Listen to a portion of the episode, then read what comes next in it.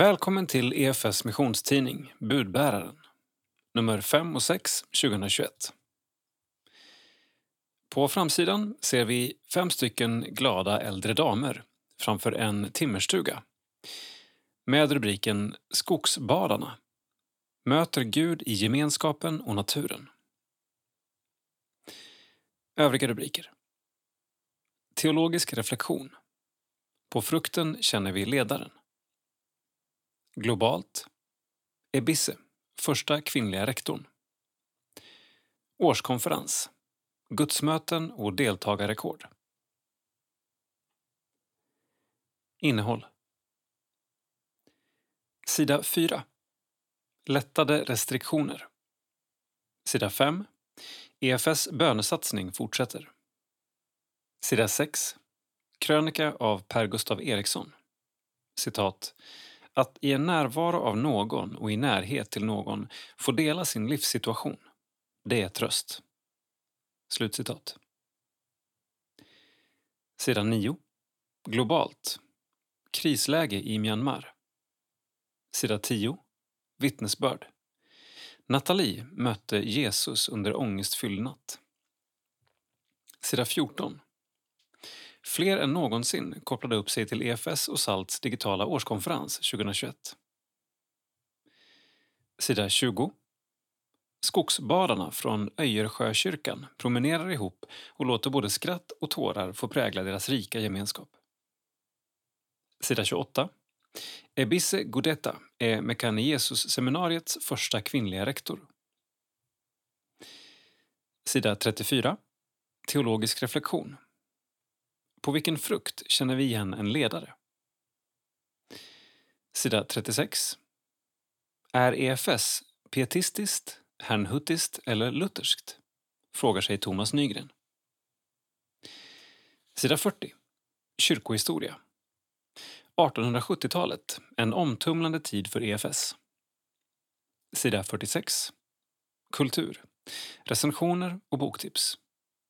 Sida 49. Kultur. Psalm 201. Sida 50. Kultur. Maria Lövenhamn Trio. Sida 53. Info. Nytt och aktuellt inom EFS och SALT. Sida 58. Barn i alla länder. Barnens tankesmedja. Sida 60. EFS region Norrbotten. Sida 62. EFS region Västsverige. Sida 65.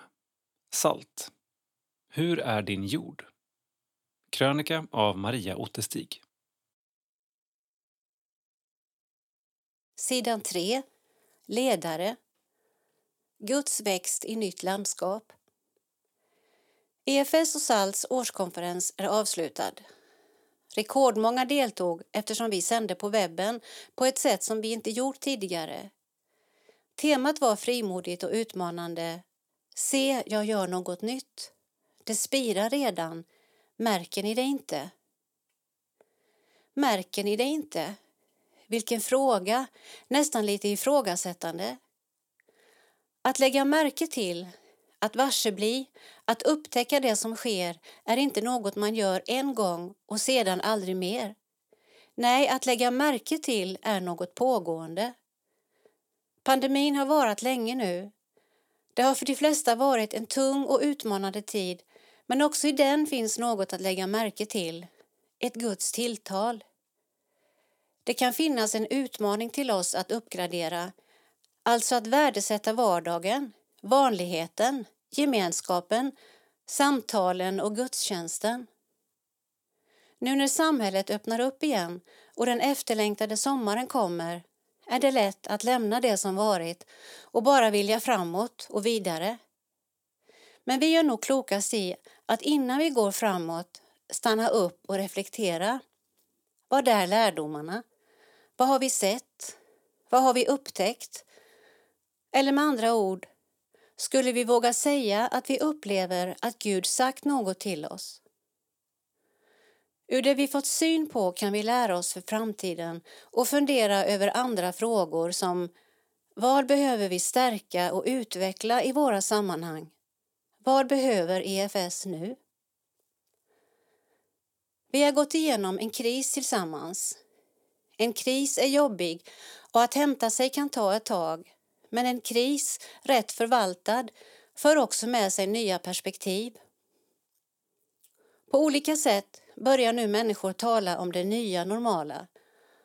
Organisationen Företagarna skriver i en artikel att de tror att framtiden kommer innehålla mer av hemarbete, e-handel, hemleveranser, fler lokala småbutiker med mera.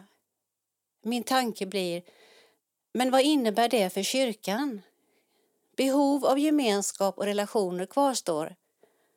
Tänk EFS om vi förblev seende för Guds växt i det nya landskapet. Konferensens tema är alltså inte över utan frågan följer dig som en bro mot framtiden som om Gud säger Lägg märke till mitt skeende. Kerstin Oderhem, missionsföreståndare EFS. Sida 4. Kortnytt. Riksdagsvalet i Etiopien skjuts upp. Det flera gånger uppskjutna valet som skulle ägt rum den 5 juni sköts upp till den 21 juni. Anledningen hävdas vara praktiska utmaningar som registrering av väljare, utbildning av valpersonal, tryckning och distribution av valsedlar. Praktiskt taget blev det omöjligt att genomföra valet på det ursprungliga planerade datumet, säger Birtukan Mideksa, chef för landets valkommission, enligt AFP. Mideksa menade att den kommande regnperioden, juni till september, förmodligen skulle påverka valet, som egentligen skulle ägt rum förra året. Den 31 mars 2020 beslutade den federala valkommissionen dock att skjuta upp det nationella valet på grund av coronapandemin. Trots detta hölls det ett regionval i Tigray på eget bevåg och emot premiärministerns godkännande. Detta gav upphov till kriget i Tigrayregionen som utbröt i november 2020 och som fortsatt har spett på den politiska oron i landet.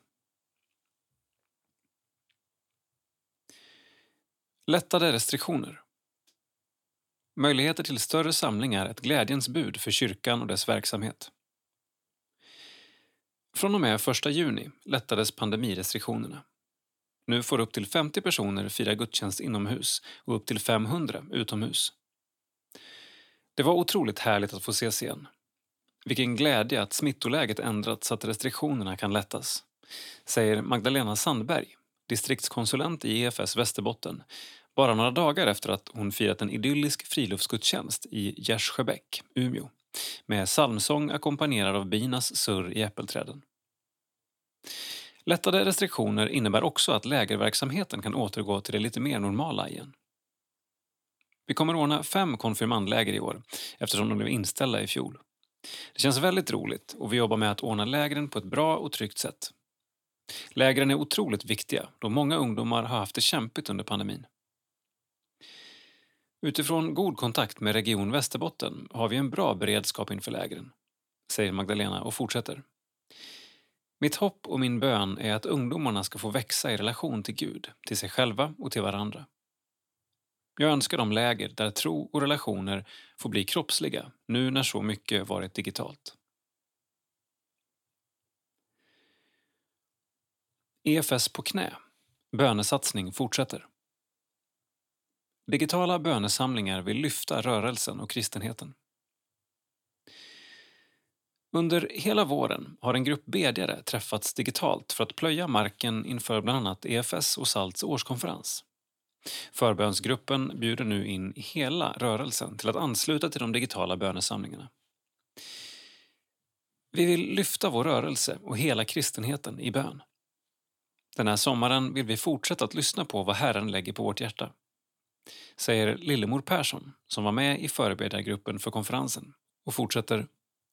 Under hela våren har Herren talat till oss om det lilla. Vi fick också se hur konferensen skalades ner hur den blev mindre och mindre, men samtidigt hur den nådde ut till fler än någonsin. EFS är inte så stort, bönegruppen är inte heller så stor, men Herren är stor. Vi har sett att Herren gör något i det lilla och därför känns det viktigt att fortsätta be. Den fortsatta bönen leds alltså av den förbönsgrupp som utsågs inför årskonferensen. Något de upplevde kom tillbaka gång på gång i bönen under våren var EFS på knä, säger Persson. Det är viktigt att be för EFS, för kristna ledare och för kristenheten i stort, menar hon. Herren har lagt en nöd på oss att be och jag vet att det finns många som ber. Vi vill uppmuntra alla som vill vara med på söndagsbönen att ansluta, ung som gammal. Bönen kommer att hållas digitalt varje söndag klockan 18.00 via Google Meet under sommaren. Anslut till samlingen via efs.nu b. Sidan 6. Krönika. Den ofrånkomliga sorgen. Tröst kan sammanfattas i de tre orden närvaro, närhet och dela, skriver Per Gustav Eriksson. När jag var 12 år dog min pappa. Det var en mörk och kall oktoberdag när cancern tog hans liv alldeles för tidigt. Vad gör det med oss när det värsta händer? Jo, vi drabbas av vanmakt, förtvivlan och sorg. Nyhetsankaret Claes Elfsberg är också en av alla dem som förlorat en nära anhörig till cancern. 2018 gick hans dotter bort, blott 30 år gammal och i höstens SVT-serie Sorgen och jag var vi många som följde hans samtal med andra människor som delar hans erfarenhet av förlust. Samtidigt med programserien har också många i vårt land drabbats av kriser och sorg kopplade till pandemin vilket aktualiserat frågan om vad som händer med oss när sorgen är ett faktum och hur vi kan hantera livet efter en förlust. Vad är sorg? Sorgen är ett ofrånkomligt inslag i allt mänskligt liv. Den följer människan som ett livets återkommande ackompanjemang. Såväl i vardagssorgerna som i de stora förlusterna möter den oss. Till de större förlusterna hör att förlora nära och kära, hälsa och krafter, livsinnehåll och livsmening. Sorg är vårt känslomässiga gensvar på förluster och kan ses som ett psykologiskt reparationsarbete. Sorg och saknad hör samman, men sorg kan läkas ut medan saknaden kan bli livslång eftersom den handlar om kärlek. Kring sorg uppstår lätt en konspiration av tystnad. Vi försöker undertrycka och undvika den. När vi ändå ställs inför den försöker vi hellre trösta bort den än fram den. Det är som om sorgen inte får plats i våra liv. Men sorg som blir ordlös och anonym, som inte blir gripbar och förstådd, blir också svår att sörja. Den riskerar att gå in i ett känslolivets gråzon. Man är aldrig riktigt ledsen, men heller inte riktigt glad. Livet har blivit jämngrått. Vissa saker kan man gå runt eller förbi medan annat måste man gå igenom. Sorg måste gås igenom, annars blir den kvar, oförlöst i vårt inre. Bara sorg botar sorg. När vi sörjer söker vi tröst. Och vad är då tröst? Ja, tröst är knappast att försöka återställa utgångsläget, att ge tillbaka det någon har förlorat. Då behövs ju ingen tröst längre. Tröst är inte heller att ge den sörjande något annat istället för det man har förlorat. Nej, tröst kan sammanfattas i de tre orden närvaro, närhet och dela. Att i en närvaro av någon och i närhet till någon få dela sin livssituation, det är tröst. Det gör det outhärdliga uthärdligt och möjligt att genomleva. Vågar vi och kan vi lära oss att hantera de olika små förlusterna vi möter blir vi kanske också bättre rustade att möta de stora. Frågan i början av krönikan kvarstår. Vad gör sorgen med oss? Som bekant är det bara i en skadad mussla vi hittar en pärla. Det gör ont och det tar tid att bli en pärlproducent, men det är fullt möjligt. Här är tidsaspekten viktig. Beträffande musslan säger experterna att ju längre musslan får arbeta med det främmande föremålet desto finare blir pärlan. Beträffande oss kan man säga att tiden läker inga sår, men det tar tid att läka. Om jag själv blivit en pärlproducent är det upp till andra att avgöra. Musslan är förmodligen inte själv medveten om vilken gåva pärlan blir till andra. Då man bäst skulle behöva orden äger man dem inte. Orden som skulle trösta och ge nytt hopp. Glädjen har så många ord, men sorgen nästan inga. Är det därför sorgen är så svår? Då man bäst skulle behöva orden får tystnad tala och gör väl så också. Men Gud, vad jag hade önskat några ord, några goda ord, några hjälpande ord då du kom med din nakna sorg. Dikt Naken sorg av Birger Franzén. Per Gustav Eriksson, teolog och beteendevetare.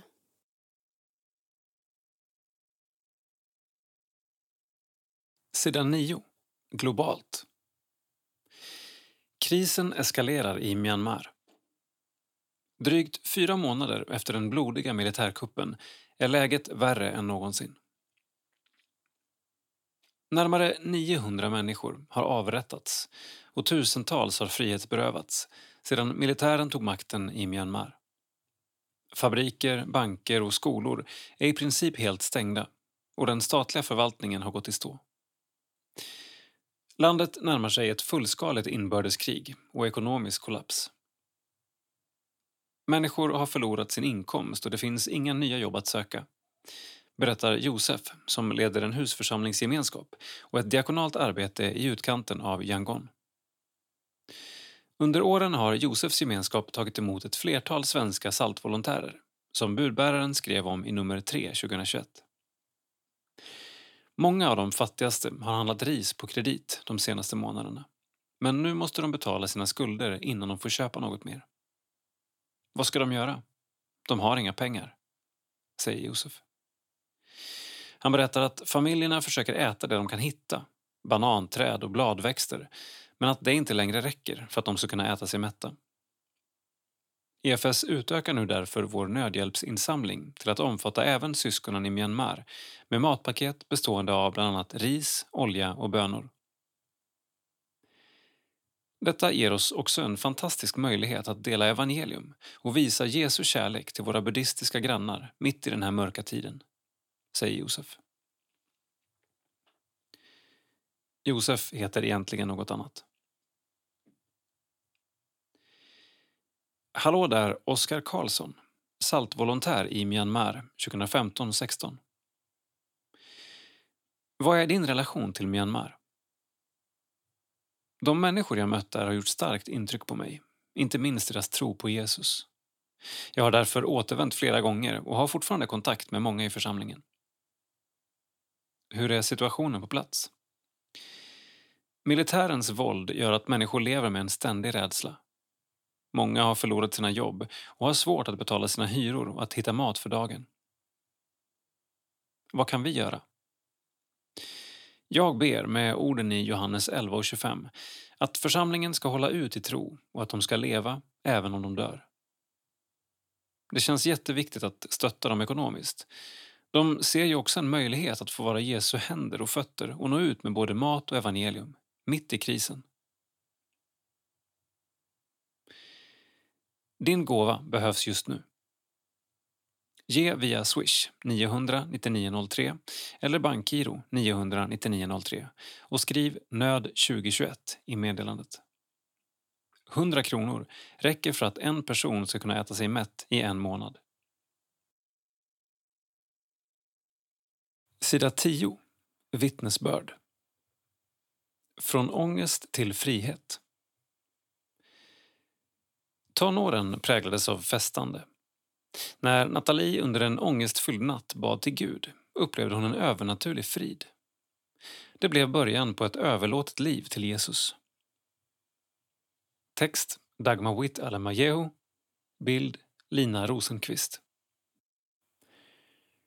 Nathalie Benchik växte upp i ett litet samhälle utanför Halmstad och vägen in i kyrkan var i 14-årsåldern genom konfirmationen.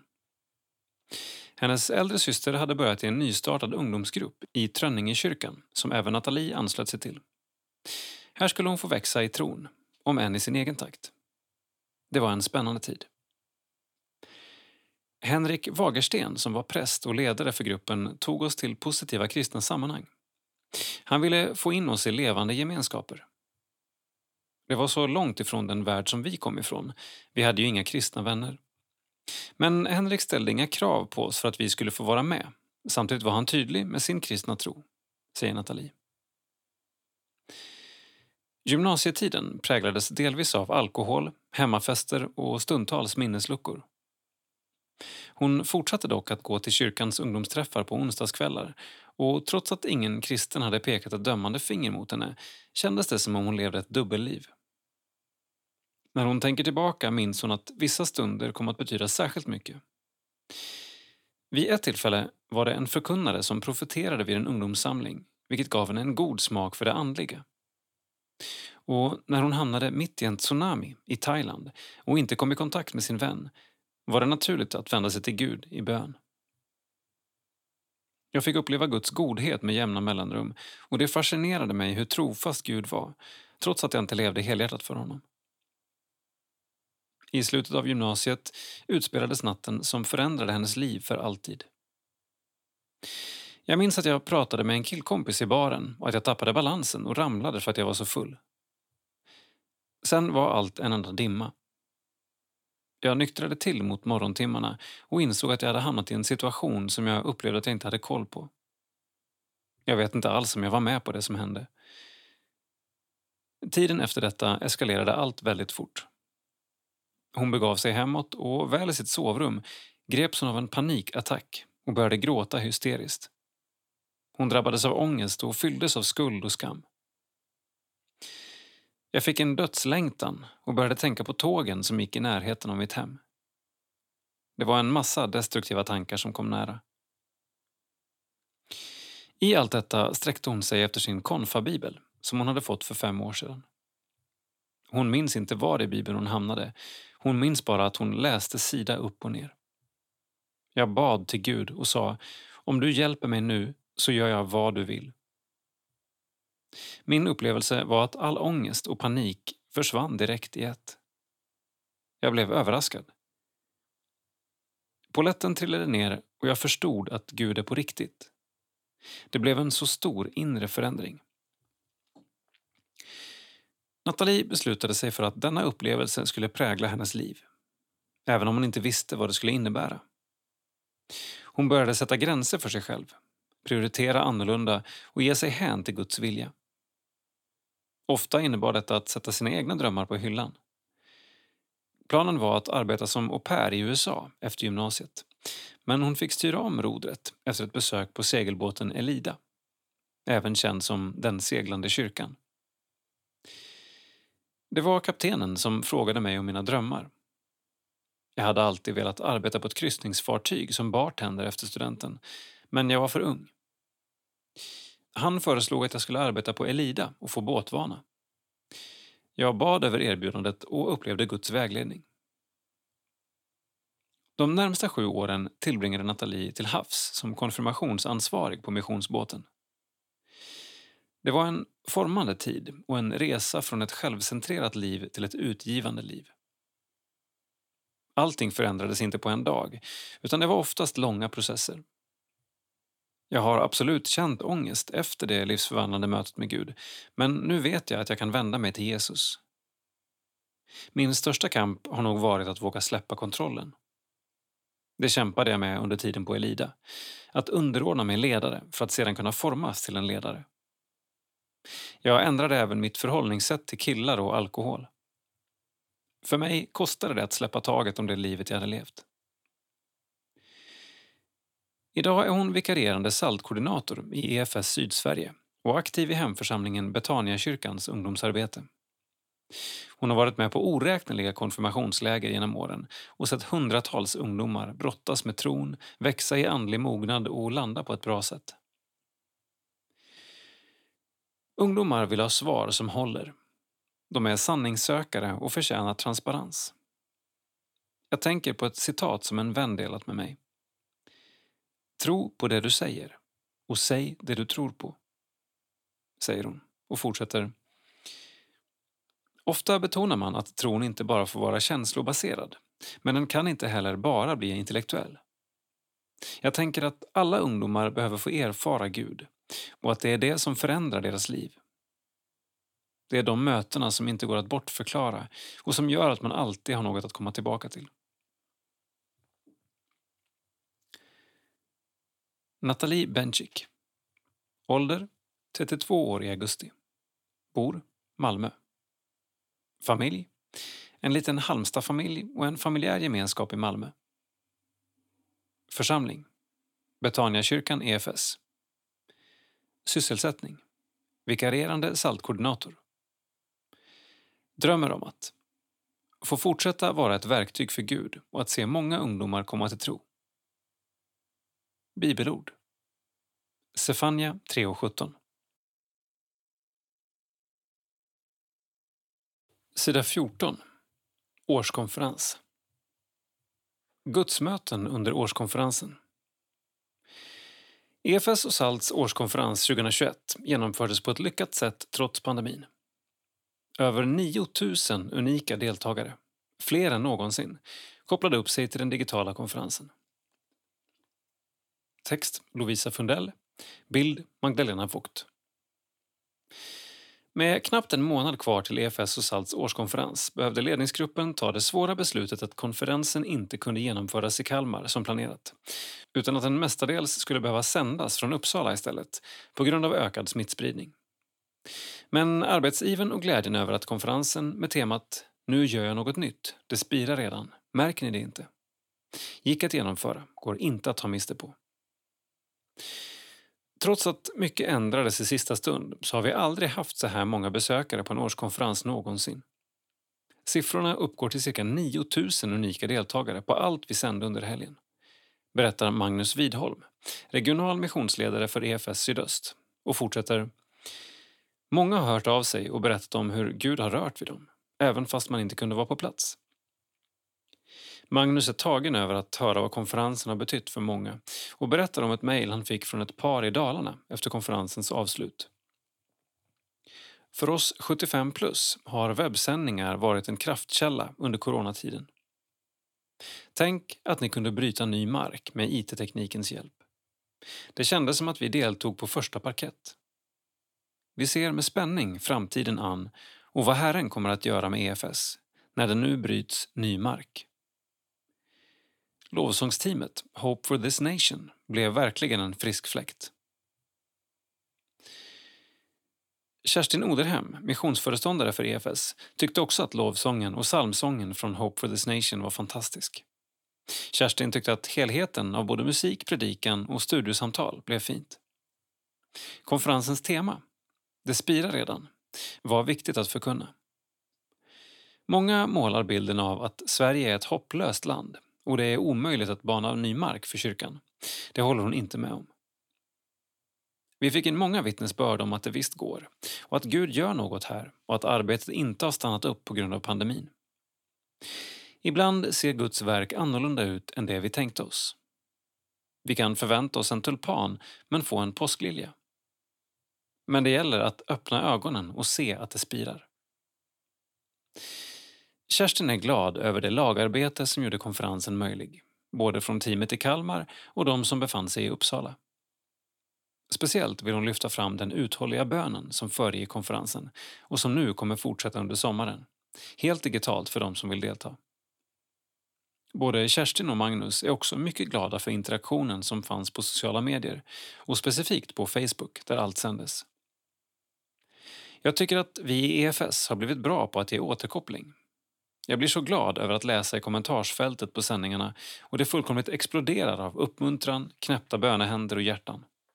Det finns ett fint engagemang och människor bryr sig om varandra. Det är väldigt fint, säger Kerstin. EFS och SALTs årskonferens. Konferensen skulle år 2020 hållits i Jönköping men på grund av pandemin och att Dalvikskyrkan brann ner hölls en avskalad konferens med fokus på årsmöten digitalt i Uppsala. 2021 skulle årskonferensen ha sänt från Kalmar men pandemin gjorde att konferensen sändes helt digitalt från Uppsala och delar från Kalmar. Cirka 9 000 personer beräknas ha kopplat upp sig under helgen och deltagit vilket gör detta till EFS och SALTs största årskonferens någonsin. Innan konferensen fick alla som skulle medverka på plats ta ett covid-test för att allt skulle gå säkert till. Allt vi gör är för en publik av en, Jesus. Dan Woodrow, produktionsansvarig på EFS, är mycket nöjd med sändningarna från konferensen. Väldigt tidigt i processen fick vi uppdraget att allt skulle bli helt digitalt men att det också fanns en vision om att ha en uppbyggelsekonferens. Vi ville ära den vision som fanns och försökte skapa känslan att man var på plats. Efter konferensen fick vi in rapporter från hela Sverige om att vi lyckades med det. En kristen konferens är aldrig en show eller produktion. Allt vi gör är för en publik av en, Jesus. Det ska alltid vara målet och syftet. Att människor kunde ta del av det som pågick och möta Gud var fantastiskt. Uppskattade sändningar. Många följde sändningarna på Facebook. Här följer ett axplock av reaktioner och kommentarer. Torborg Lundgren.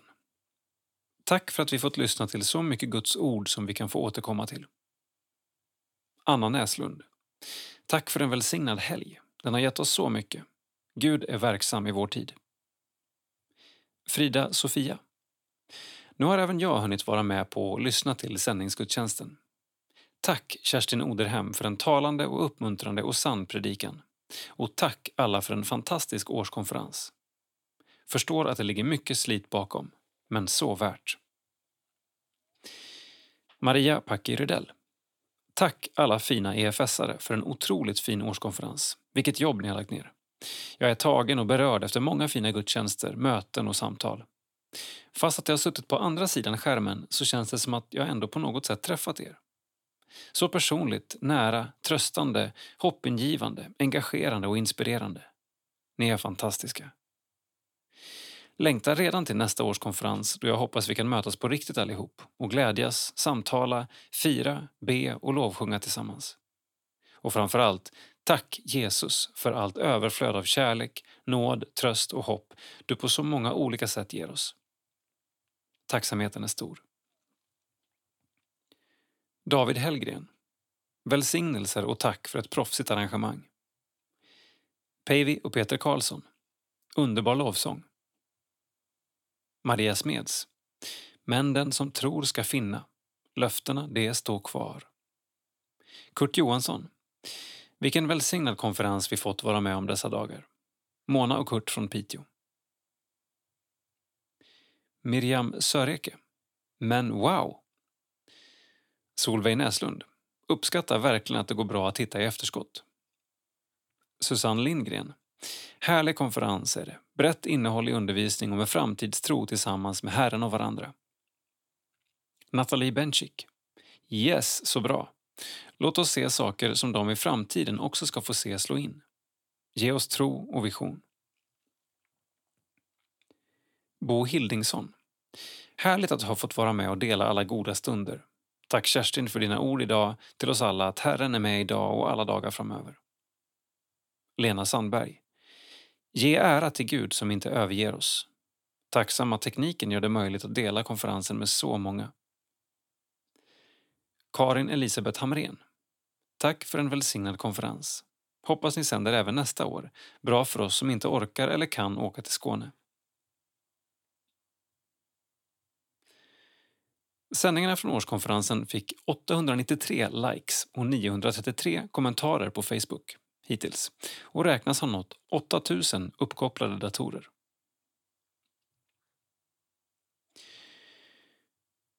Helt plötsligt hände något i höften och mitt högra ben rörde på sig. Ingrid Cesar, 68 år, blev helad från skolios under årskonferensen. Ingrid Cesar medlem i EFS-kyrkan i Ängelholm, har haft besvär med en snedvriden ryggrad sedan gymnasiet. Små sysslor som att knyta skon och att sitta still har varit ansträngande.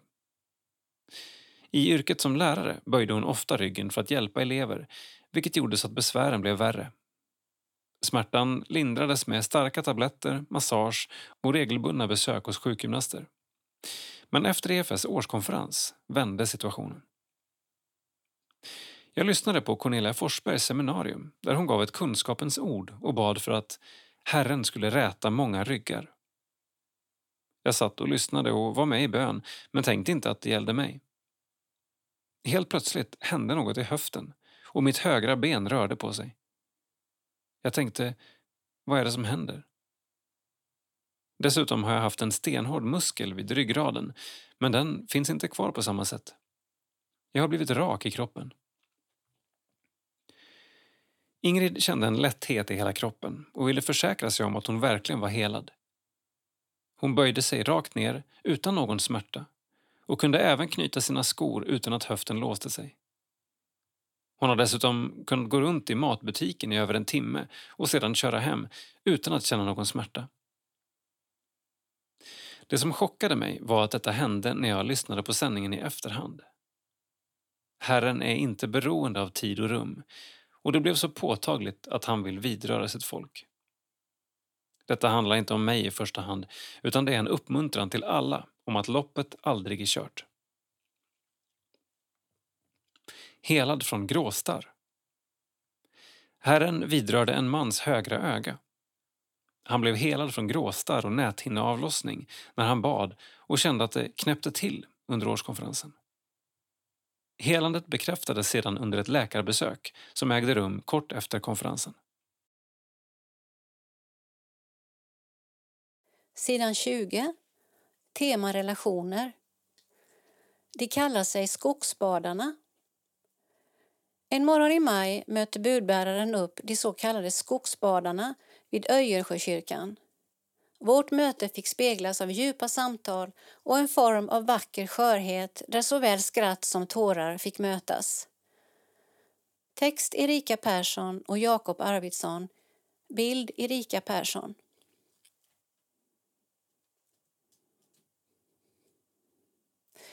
Under det senaste året har en grupp kvinnor i Öjersjökyrkan utanför Göteborg, Skogsbadarna, möts varje tisdag för att promenera och umgås i skogen. Av namnet att döma kan man lätt tro att deras träffar innehåller ett bad i sjön som ligger alldeles vid kyrkan, men så är inte fallet. Vi badar helt enkelt i naturen, i Guds skapelse. Det händer så mycket i vår tillvaro, men här behöver vi inte prestera utan vi får bara vara, säger Gunnevi, vars man Eskil också varit med vid ett par av promenaderna. Vid ett tillfälle firade vi nattvard med Eskil på gräsmattan utanför kyrkan. Det var en sådan välsignelse då vi alla längtar så mycket efter ett normalt kristenliv igen, säger Gunilla. Denna tisdagsmorgon möter de upp mig utanför kyrkan med stora leenden och det behövs bara några minuter ihop med dessa fantastiska kvinnor för att förstå att de har något speciellt ihop. Deras gemenskap är slående varm och jag fick nästan direkt känna mig som en naturlig del av den. Två av skogsbadarna, Gunilla och Kerstin, har även med sig sina hundar, Lilly och Cesar, som har en betydande roll i gruppens gemenskap. Gud älskar inte bara människor utan även våra djur. Det är inte bara människor som Gud låter komma i ens väg utan ibland även djur, säger Gunilla samtidigt som hon tar upp Cesar i famnen. Kerstin, som har en stark relation med sin pudel Lilly, kan verkligen relatera till det påståendet. Med en tår av tacksamhet i ögat berättar hon om när hon fick henne. Lilly föddes på min födelsedag förra året och jag fyllde 75 år. Coronaviruset hade precis slagit ut och det gick inte att ta några tillställningar eller träffa människor. Det var nog meningen att jag skulle få henne precis då. Det var inte bara Lilly som föddes i början av coronapandemin utan även denna idé att gå skogspromenader. Detta i en tid när det mesta tvingades ställas in och livet kändes tungt i allmänhet. Att vi har kunnat träffas så här har varit veckans höjdpunkt. Man fick något att se fram emot och så känns det fortfarande. Under året som gått har det betytt väldigt mycket för måendet att få komma ut ur sin isolering och få träffas som kristna syskon tillsammans, säger Kerstin. Hela platsen kring Öjersjökyrkan andas rofylldhet. Precis som för många andra som besökt platsen upplever jag det lite som en andlig oas.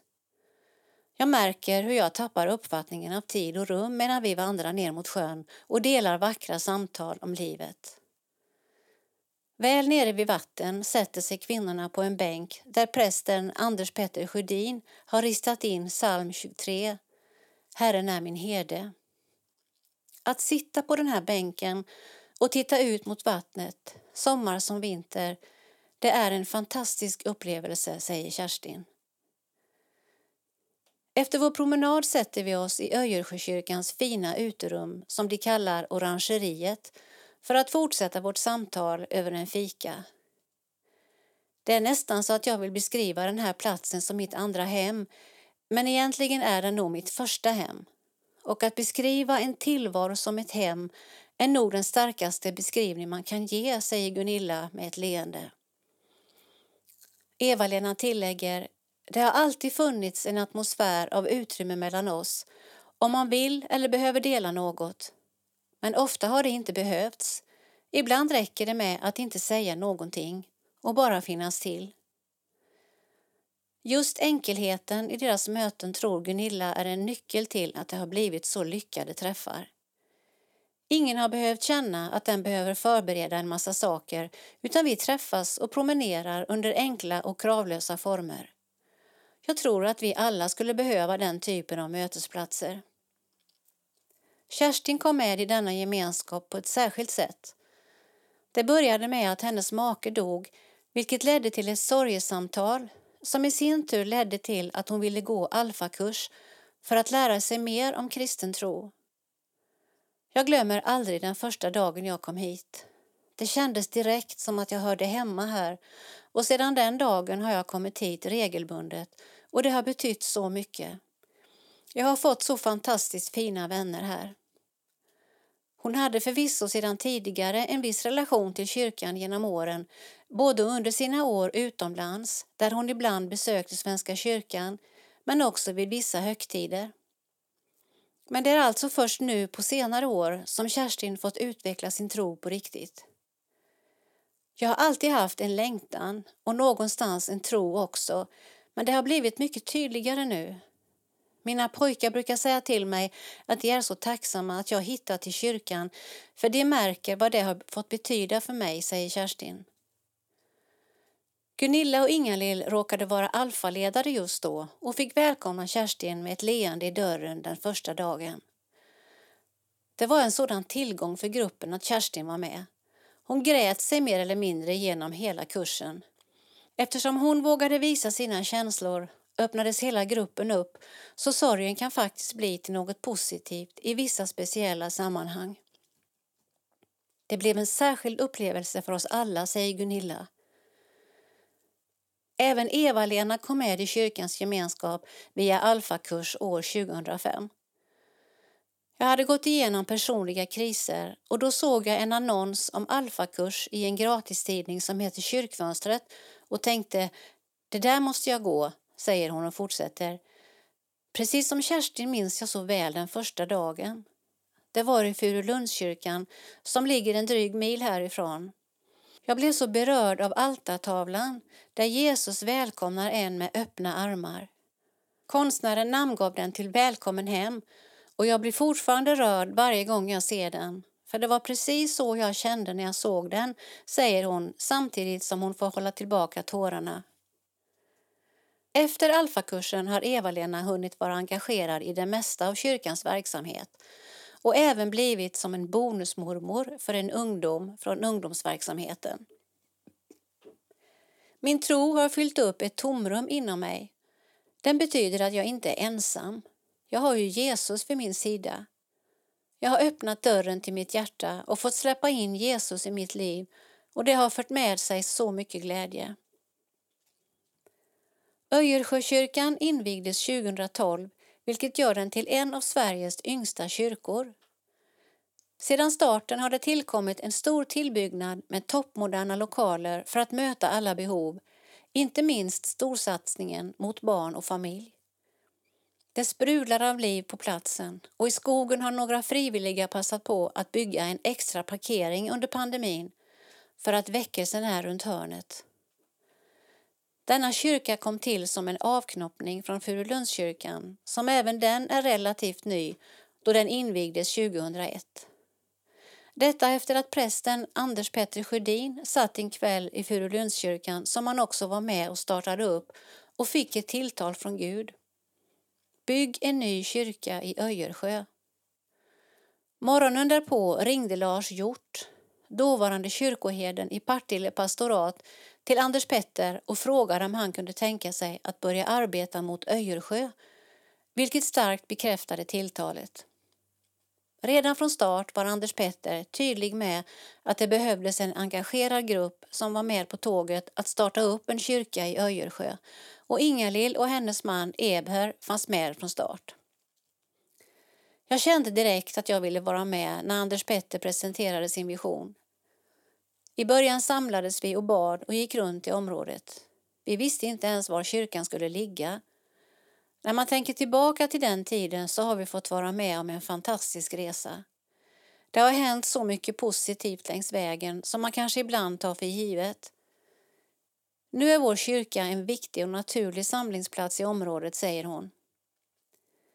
I början gick de också runt i området och frågade folket i Öjersjö vad de ville att kyrkan skulle bedriva för verksamhet. De flesta önskade att de skulle starta något för barnen och så har det också blivit. Efter att ha knackat dörr i flera timmar kom jag hem till min man Ulf och då sa han Vad skönt, nu är vi klara med det där. Men jag hade bara hunnit med tio hushåll. Det finns en sådan nyfikenhet, hunger och längtan efter svar på frågor om livets alla skeenden, säger Gunilla. Vid dagens slut reflekterar jag över vårt möte. Det gjorde mig djupt berörd att få ta del av skogsbadarnas gemenskap. Det finns något vackert i att våga dela med sig av livets alla stunder tillsammans. Det svåra såväl som det enkla, det stora såväl som det lilla, det sköra såväl som det starka. Öjersjökyrkan Öjersjökyrkan är en samarbetskyrka mellan Svenska kyrkan och EFS som tillhör Furulunds församling, där Claes Josefsson är församlingsherde. Där ingår även Furulundskyrkan, även den en samarbetskyrka, vilket gör detta till Sveriges enda församling med enbart samarbetskyrkor. Öjersjökyrkan invigdes 2012 efter att prästen Anders Petter Sjödin fått ett tilltal från Gud om att starta en kyrka i området som har expanderat kraftigt de senaste åren. Samarbetskyrkor Samarbetskyrkorna har sedan 1960-talet varit en form för EFS och Svenska kyrkan att samarbeta för att utföra kyrkans uppdrag. Att vara en samarbetskyrka innebär en unik möjlighet för en församling i Svenska kyrkan och en förening i EFS att gemensamt ta vara på det bästa från båda sammanhangen i det lokala arbetet. Samarbetskyrkor finns idag på ett 40-tal platser i landet. Sida 28. Globalt. Jag vill afrikanisera läroplanen. För första gången har Mekane-Jesus-seminariets teologiska avdelning en kvinnlig rektor. Ebisse Godeta har haft oddsen emot sig i livet men förlitat sig på en gud som bär genom allt. Text och bild Dagmawit Alemayehu. Det är full fart vid Mekanesus-seminariet, MYS, när Ebise Godeta tar oss på en promenad genom campuset i Addis Abebas gassande sol. Elever med ansiktsmasker går till och från sina lektioner. Dr. Bruk Ayele, som är ordförande vid seminariet, passerar förbi med gäster från Tyska Lutherska Bibelstiftelsen. Godetas telefon ringer oavbrutet och professorerna är många som kommer med sina ärenden till henne. Samtliga blir väl bemötta. De hälsar artigt, men man vet aldrig vem som faktiskt är för eller emot mitt ledarskap, säger Ebise Godeta när de har passerat. 40-åringen syftar på posten som rektor vid den teologiska avdelningen på fakulteten. Missnöjet lät sig inte dröja när hon år 2020 blev tillsatt som den första kvinnliga rektorn. Men Godeta har aldrig tvekat på att det är Gud som har banat vägen för henne. Redan i barndomen pekade han på att hon var kallad, berättar hon, och tar oss på en resa ner i minnesfältet. Vi hade bara en bibel i huset och den tillhörde min mamma. Den förvarades alltid i ett skåp och var inlindad i en duk. Jag brukade smygläsa ur den så fort mamma lämnade huset. Min hunger för Guds ord började tidigt. Godeta var med i kyrkans kör i Nakamte, Volega, där hon växte upp. Hennes mamma var hemmafru och hennes pappa arbetade som lärare och försörjde hela hushållet som bestod av 15 personer, inklusive fem familjemedlemmar. Som förstfödd fick hon axla många av hemmets sysslor och när mamman insjuknade blev bördan desto tyngre. Studierna byttes ut mot städning och matlagning. Gymnasiebetygen höll inte ända in i universitetet. Hon älskade skolan, så detta var en stor sorg. Gråtandes vände hon sig till Gud om vägledning. I samma veva hade församlingen i Nakamte öppnat upp en ettårig bibelskola på kvällstid för medlemmar som tjänade volontärt. Totalt 86 elever deltog, allt ifrån läkare till studenter. Det gick så pass bra för mig att jag fick utmärkelsen Bäst i klassen och belönades med en stor bibel. Lärarna rekommenderade mig som studiekandidat till MIS i Addis Abeba men mina föräldrar hade ju inte råd att finansiera studierna, förklarar hon och fortsätter. Men samma dag hade byn samlats hemma hos oss för att be. Kvinnan som ledde bönen bad mig läsa upp Uppenbarelseboken 3 och 8. Och nu har jag öppnat en dörr för er som ingen kan stänga. När jag läste orden var det som om en elektrisk kraft chockade hela min kropp. Herren försäkrade mig att han hade öppnat en dörr som varken ekonomiska brister eller kyrkliga ledare kunde stänga. Dagen därpå bad Godetta synodledarna om ett rekommendationsbrev som hon skulle skicka till fakulteten. Det blev vägen in i den prestigefyllda världen av studier. Jag läste utbildning i ledarskap i två år. Mina klasskamrater var till majoriteten män och jag blev ofta hånad för att jag tillbringade mycket tid i biblioteket. De menade att jag ändå aldrig skulle få ett värdigt arbete. Godetta rabblar noggrant upp varenda avlagd examen. Kandidatexamen i teologi, masterexamen i interkulturell teologi och en doktorsexamen och vartenda antagningsprov som säkrade henne flertalet stipendier. Allt som ett kvitto på hennes kompetens. Under 2005 anställdes hon som koordinator för kvinnodepartementet på synodnivå i hemstaden Nakamte. Arbetet bestod av att besöka församlingar i hela landet och att utbilda kvinnor i olika ämnen som osunda traditionella seder, kvinnors roll i kyrkan och i samhället samt jämställdhet. Efter att ha arbetat i ett och ett halvt år sökte hon en ledig tjänst på Theological Education Extension, TEE. Det är en utbildning för de som inte har råd eller tid till att fullfölja en teologisk utbildning vid en bibelskola eller ett seminarium, men som kan studera i sina hem. Hon var den enda kvinnan bland de sökande. År 2007 anställdes hon som kursförfattare och programkoordinator. Läroböckerna var skrivna ur en västerländsk kontext och skapade ett gap mellan teoretisk kunskap och praktisk applicering. Min vision var således att afrikanisera läroplanen. Jag ville även uppmuntra kvinnor att ansluta sig till TEE när vi turnerade runt synoderna. 2009 gifte sig Gudetta och samma år fick hon ett stipendium för att skriva sin master i Tyskland. Det är inte förrän hon hamnade utanför sitt etiopiska sammanhang som hon insåg att hennes kallelse skulle fullbordas i Etiopien. Jag studerade interkulturell teologi och min uppsats handlade om hur man behåller sin kulturella och religiösa identitet i ett främmande land. Jag studerade etiopier. Deras liv var relativt bra i Tyskland men de mådde psykiskt dåligt och dagdrömde om Etiopien. Idag har hon två söner tillsammans med sin make som för tillfället bor i USA. Även i Gorettas familj har den stora frågan varit att bo kvar i Etiopien eller följa den utländska drömmen. Tanken om att uppfostra barnen utomlands lockade dock inte. Familjen har tilldelats en lägenhet på campuset i MIS och när Godetta bjuder in till lunch märker man att det är här hon pustar ut. Den annars formella stilen och sammanhållningen bryts av när Godeta tar av sig taxklackarna och förhandlar om klistermärken med sönerna, åtta och fem år gamla. Utan att klaga lyfter hon det stora lasset som vilar på hennes axlar. Arbetet, barnen och studierna som hela tiden går i ett. Och än mer blev det efter att hon lämnade in det sista utkastet av sin doktorsavhandling som avlades vid VID universitet i Stavanger i Norge 2019. Jag anställdes som rektor vid den teologiska avdelningen på seminariet år 2020. Många synodledare blev chockade och tänkte att jag inte skulle klara av det.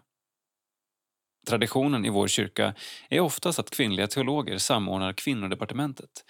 Men mitt fokus har alltid varit bredare än så. Mina studier har inte avhandlat kvinnor utan ämnen som ledarskap, utbildning och mission. MY har röstat för att varje beslutsfattande organ i kyrkans styrningsstruktur ska ha en representation av 40% män, 40% kvinnor och 20% ungdomar. Godeta menar dock att fördelningen må se bra ut på papper men att den motarbetas i praktiken. Det har varit omöjligt att genomföra denna policy eftersom det krävs en kandidat eller masterexamen för att kvala till dessa platser. Synoderna har inte kunnat förbereda det antal kvinnor som behövs för dessa positioner i kyrkan och därför har kvinnor varit och är fortfarande underrepresenterade i styrelsen för kyrkans organ på alla nivåer, såväl som i fakulteten. Godetta är ännu den enda kvinnliga läraren på fakulteten. Men i juni tog de emot tre kvinnliga masterstudenter som kan söka lärartjänster. Det är ett steg i rätt riktning, menar hon. Vi avslutar vårt samtal samtidigt som hon reflekterar över sin egen studietid vid fakulteten. Hur hon trots en ryggsäck med examensbevis ändå måste bevisa sin kompetens för att accepteras. Utmaningarna började redan när jag studerade och har följt mig i karriären. Det finns en nedlåtande syn gentemot kvinnor överlag och inte minst kvinnor som arbetar, säger hon och fortsätter. Den största utmaningen för mig har dock varit att hålla tal. Som en etiopisk kvinna uppfostrade min mamma mig till att vara tyst när vuxna och särskilt män talade. I vår kultur tolkas det som respektlöst om du tittar i ögonen på en äldre person eller en man när du talar. Jag tycker om mitt arbete och är tacksam till Herren för chansen. Jag ber mycket när jag måste hålla ett tal eller predika. Men Herren är källan till min styrka och jag lär mig varje dag. Ebisse Godetta Ålder 40 år Familj, två barn och make Sysselsättning Rektor vid Mekane seminariets teologiska avdelning i Addis Abeba drömmer om. Att tjäna Herren och hans folk med de gåvor han givit mig. Min andra strävan är att hjälpa behövande, särskilt att utbilda föräldralösa barn, om Herren välsignar mig ekonomiskt. Sida 34. Teologisk reflektion. På vilken frukt ska vi känna igen en ledare? Som kristna har vi ibland svårt att skilja mellan Andens frukt och Andens gåvor. Och inte så sällan reflekteras det också i vilka ledare vi ser upp till i våra kristna sammanhang. Text Victoria Vasquez, illustration Benjamin Kruse.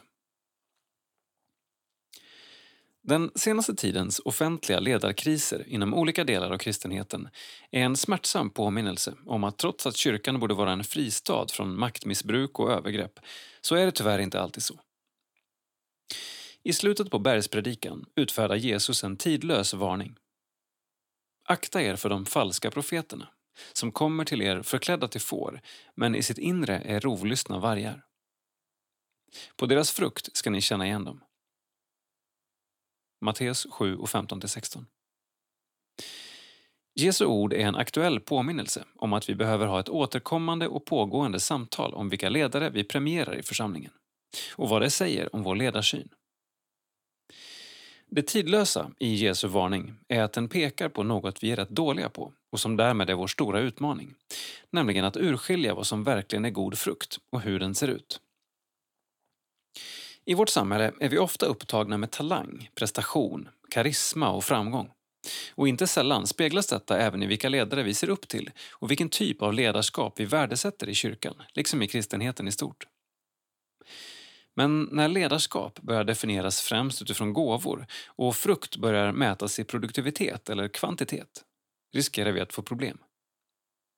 Det kan till exempel ta sig uttryck genom att vi ursäktar brister i trovärdighet, karaktär eller relationer med att ledaren i alla fall vinner människor för Jesus. Eller ett hårt ledarskap med att han eller hon har gåvan att leda. Men i samma stycke, i Matteus 7 och 21-23, varnar Jesus för att låta sig förblindas av karisma, gåvor och kraftgärningar när han menar att dessa inte behöver betyda att trädet är gott. Det är både provocerande och utmanande att det vi så ofta premierar inte nödvändigtvis är vad Jesus själv premierar hos ledare i sitt rike. Därför är det viktigt att fråga huruvida en ledare och vår ledarsyn stämmer överens med den bild vi ser i Nya testamentet. Om vi går till Paulus och breven till Timoteus och Titus, som har ett särskilt fokus på ledarskap, stavas ledarskap karaktär. När Paulus beskriver vilken typ av ledare som Timoteus och Titus ska leta efter framträder en bild av någon som är fri från sitt ego och är utan uppblåst självbild. Har rena motiv där man inte drivs av sin egen vinning och begären under kontroll. Han sammanfattar det med att vara höjd över allt klander. Första Timoteusbrevet 3 och 2. Vilket innebär att det inte ska finnas några grunder för att kunna anklaga ledaren för omoraliskt eller oetiskt beteende. När Paulus talar om goda ledare är det alltså varken talang, gåvor eller en särskild andlighet som han betonar. Snarare uppmanar han Timoteus och Titus att söka efter människor som med sina liv gett prov på viktiga kvaliteter. Den frukt vi bör leta efter hos våra ledare är alltså mognad, karaktär, trovärdighet och förmåga att vårda relationer. I Timoteusbreven beskriver Paulus församlingen som Guds hushåll och familj. Första Timoteus 3 och 15. Församlingens identitet och funktion är alltså relationell och ett ledarskap bör därför också bedömas utifrån hur väl dessa relationer fungerar. Därför är det också främst där skadan sker, när en ledare slirar i sin karaktär. Inte sällan leder dessa skador till att människor lämnar församlingen och ibland tron helt och hållet. Paulus menar också att evangeliets trovärdighet direkt påverkas av hur de troende och särskilt dess ledare lever. Första Timoteus 3 och 7. För hur kan en grupp som har så höga anspråk tillåta och hylla ledare som beter sig omoraliskt eller oetiskt? På så sätt skadas också kyrkans anseende och förtroende bland utomstående och i samhället. Betyder det att gåvor inte har något värde eller funktion? Såklart inte. Men frågan är vad vi prioriterar och gynnar och vilken församlingskultur det skapar eller uppehåller i längden. Risken med att bygga ledarskap och församling på, som Jesus säger, profetior och kraftgärningar, är att den byggs på sensationer eller ett särskilt resultat. Men inget av detta betyder nödvändigtvis att ledarskapet eller församlingskulturen är sund. En viktig definition av nådegåvor är nämligen att de fungerar och verkar genom och tack vare Guds nåd. Trots att vi är ofullkomliga. Bergspredikan avslutas med den kända liknelsen om husbyggaren. Ett ledarskap eller församling byggd på sensationer eller att uppnå ett särskilt resultat är ett hus byggt på sand. När stormen kommer faller det ihop oavsett hur fantastisk byggnaden är. För att kunna urskilja den goda frukten måste vi lära oss att känna igen hur det ser ut när någon känner Fadern och gör hans vilja. Matteus 7 och 21-23. Ett sådant ledarskap är byggt på klippan och står stadigt mitt i stormen. Sida 36. Teologi. EFS. Pietistiskt, Hernhuttiskt eller lutherskt. Det finns ett fel med rubriken, som vi återkommer till. Rubrikens fråga är dock inte alldeles ovanlig från teologiskt utbildade betraktare av EFS. Ofta ställs frågan med en viss oro för att EFS fortfarande ska vara pietistiskt, skriver Thomas Nygren. Text Thomas Nygren, illustration Benjamin Kruse. Oro över pietism är inget nytt fenomen. Redan på 1720-talet, inte så länge efter att den pietistiska väckelsen hade kommit till Sverige, uppstod en gruppering av präster som kallade sig antipietister. De författade och spred skrifter som varnade för pietismens faror. Kritiken har levt vidare genom de århundraden som gått sedan dess. Till exempel hävdade Christian Erik Falkrans, utnämnd till professor i dogmatik och moralteologi i Uppsala 1835, att en pietist är en galning som har en smula fromhet, men inte något huvud. Kritiken, oftast mer nyanserad, fanns fortsatt kvar under 1900-talet hos några av de tongivande lutherska teologerna i Sverige, bland andra Gustav Wingren, och finns ännu idag på 2000-talet. Den nutida kritiken kanske oftast kommer till uttryck hos människor som blivit brända i olika typer av väckelsemiljöer. Det är inte konstigt att reaktionerna mot pietismen har funnits och finns. Med sin betoning på att hjärtats tro ger en äkta kristendom som tar sig uttryck i ett förvandlat liv har den många gånger uppfattats vara elitistisk. Eftersom en betoning legat just på det rätta levernet har pietismen producerat mer än en syndakatalog genom tiderna. En syndakatalog bestod av oskrivna regler, en uppräkning av saker som en kristen borde avstå från att göra för att bli bevarad i tron. Problemet med dessa listor blev mer än en gång att de i praktiken gick från att vara skydd mot att hamna fel till att bli listor på kännetecknen på en sann kristen.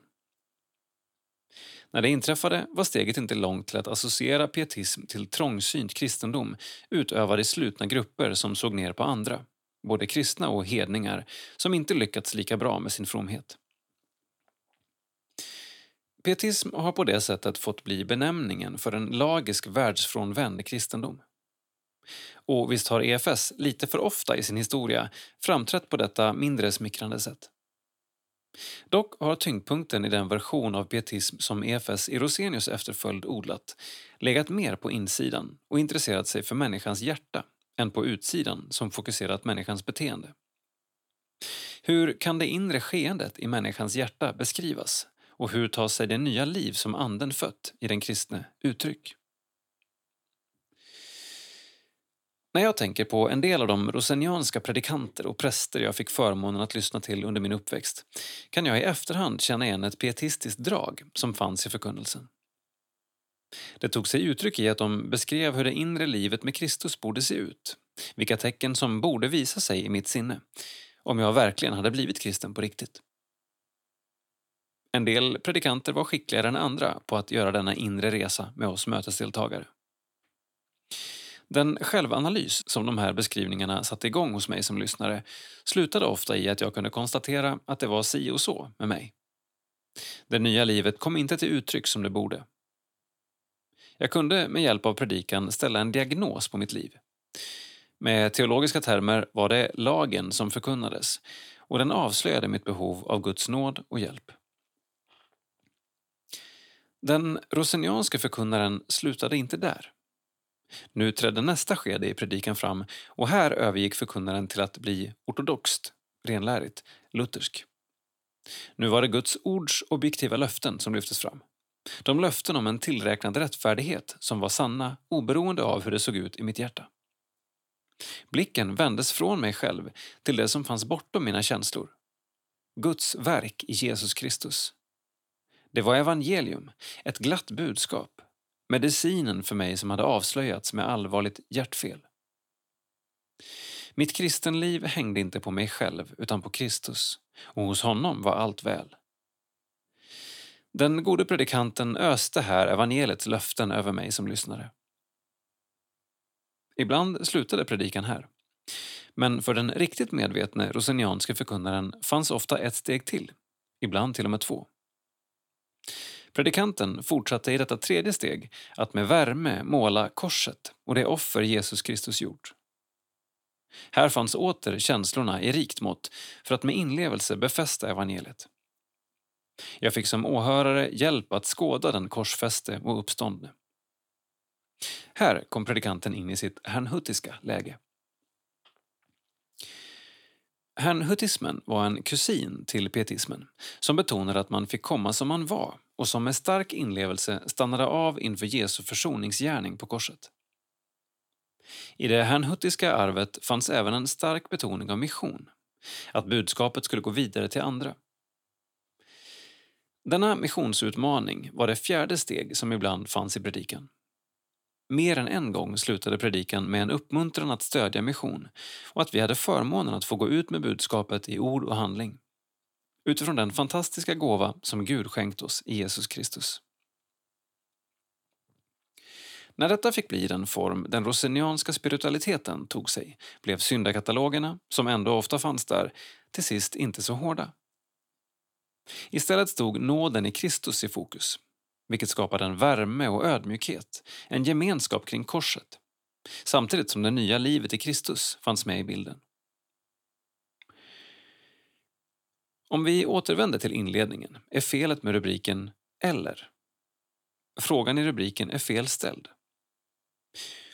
På det sätt som Rosenius och den rosenianska traditionen, när den varit som bäst, kombinerat pietism, ortodox lutherdom och hernutism utesluter de inte varandra. Tvärtom förutsätter de varandra. En bättre rubrik skulle vara EFS, pietistiskt, hernhutiskt och lutherskt. Dessa tre är, när de fogas samman på ett idealt sätt, som ett tvinnat rep som stadigt binder samman en tro med plats för både negativa och positiva känslor, objektiva sanningar och personligt engagemang. De ger en tro som ger utrymme för både sanningen om mig som misslyckad syndare och som rättfärdiggjord i Kristus. Tyvärr har vi inte alltid i EFS historia lyckats lika väl som Rosenius med att låta pietism, lutherdom och hernutism samspela på ett konstruktivt sätt. Vi får nog erkänna att det ibland hände att även Rosenius misslyckades med balansen i den mixen. Men trots allt finns här ändå ett rikt andligt arv att förvalta. Är inte en inträngande, träffsäker psykologisk beskrivning av vad vi kämpar med i våra liv en kristallklar proklamation av Guds frälsningslöften som gäller oberoende av våra känslor och som befästs med en varm beskrivning av vad Kristus gjort för mig på korset i sin stora heliga kärlek. En av de andliga mediciner också vår tid behöver. Sida 40. Kyrkohistoria. Ett intressant, händelserikt och omtumlande decennium för den nya evangeliska väckelserörelsen. Artikelserien om EFS historia har kommit till 1870-talet. En omtumlande tid för EFS. 1870-talet. Text Torbjörn Larspers. Bild EFS arkiv. Samtidigt förändrades samhället i övrigt med byggande av järnvägar, förbättrade kommunikationer, tillväxt av städer, etablering av stationssamhällen, befolkningstillväxt och utvandring till USA. Den för den nyevangeliska väckelserörelsen enande och inspirerande kraften Karl Olof Rosenius, född 1816, hade avlidit 1868 och lämnat ett tomrum efter sig. En del av detta tomrum kom att fyllas av Paul Peter Waldenström 1838 till 1917 som efterträtt Rosenius som den viktiga tidskriften Pietistens redaktör. Till Waldenström hade inom rörelsen och EFS ledning stora förhoppningar knutits. Han var prästvigd, tjänstgjorde som lektor i Umeå, senare i Gävle, var filosofie doktor och en känd folktalare. Till en början fortsatte han utgivningen av pietisten i Rosenius fotspår men presenterade 1872 där sin nya, från den så kallade objektiva försoningsläran som bland andra Luther, Rosenius och Svenska kyrkans bekännelseskrifter stått för, avvikande nya försoningslära. I en predikan i juninumret av tidskriften Pietisten ifrågasatte Waldenström den objektiva försoningsläran, en fundamental artikel i den evangelisk-lutherska läran, genom att ifrågasätta att sonens försoningsdöd på korset blidkade fadern. I sin försoningstolkning gick Wallenström emot satisfactio vicaria-läran om Kristi ställföreträdande försoningsverk så som den traditionellt uppfattats. Lars Pers, Konfessionalitet och medbestämmande, 2012, sida 80. I sin nya försoningstolkning, den så kallade subjektiva, menade Wallenström att Gud inte blev människa, Jesus, för att ta på sig människans straff för syndaskulden, utan för att visa sin kärlek till människorna. Försoningen blir då en process inom människan i att hon förvandlas. De lutherska teologerna, inom EFS och resten av Svenska kyrkan, menade att Wallenström inte tog Guds vrede över synden, eller kärleken till syndaren, på allvar. För EFS innebar 1870-talet även förändringar i organisationsstruktur och stadgar. I samhället hade medbestämmandet, demokratin, ökat. Folkrörelserna byggdes upp på demokratisk grund. Anslutna medlemmar i en folkrörelse hade rätt att rösta vid årsmötet som utsåg styrelse.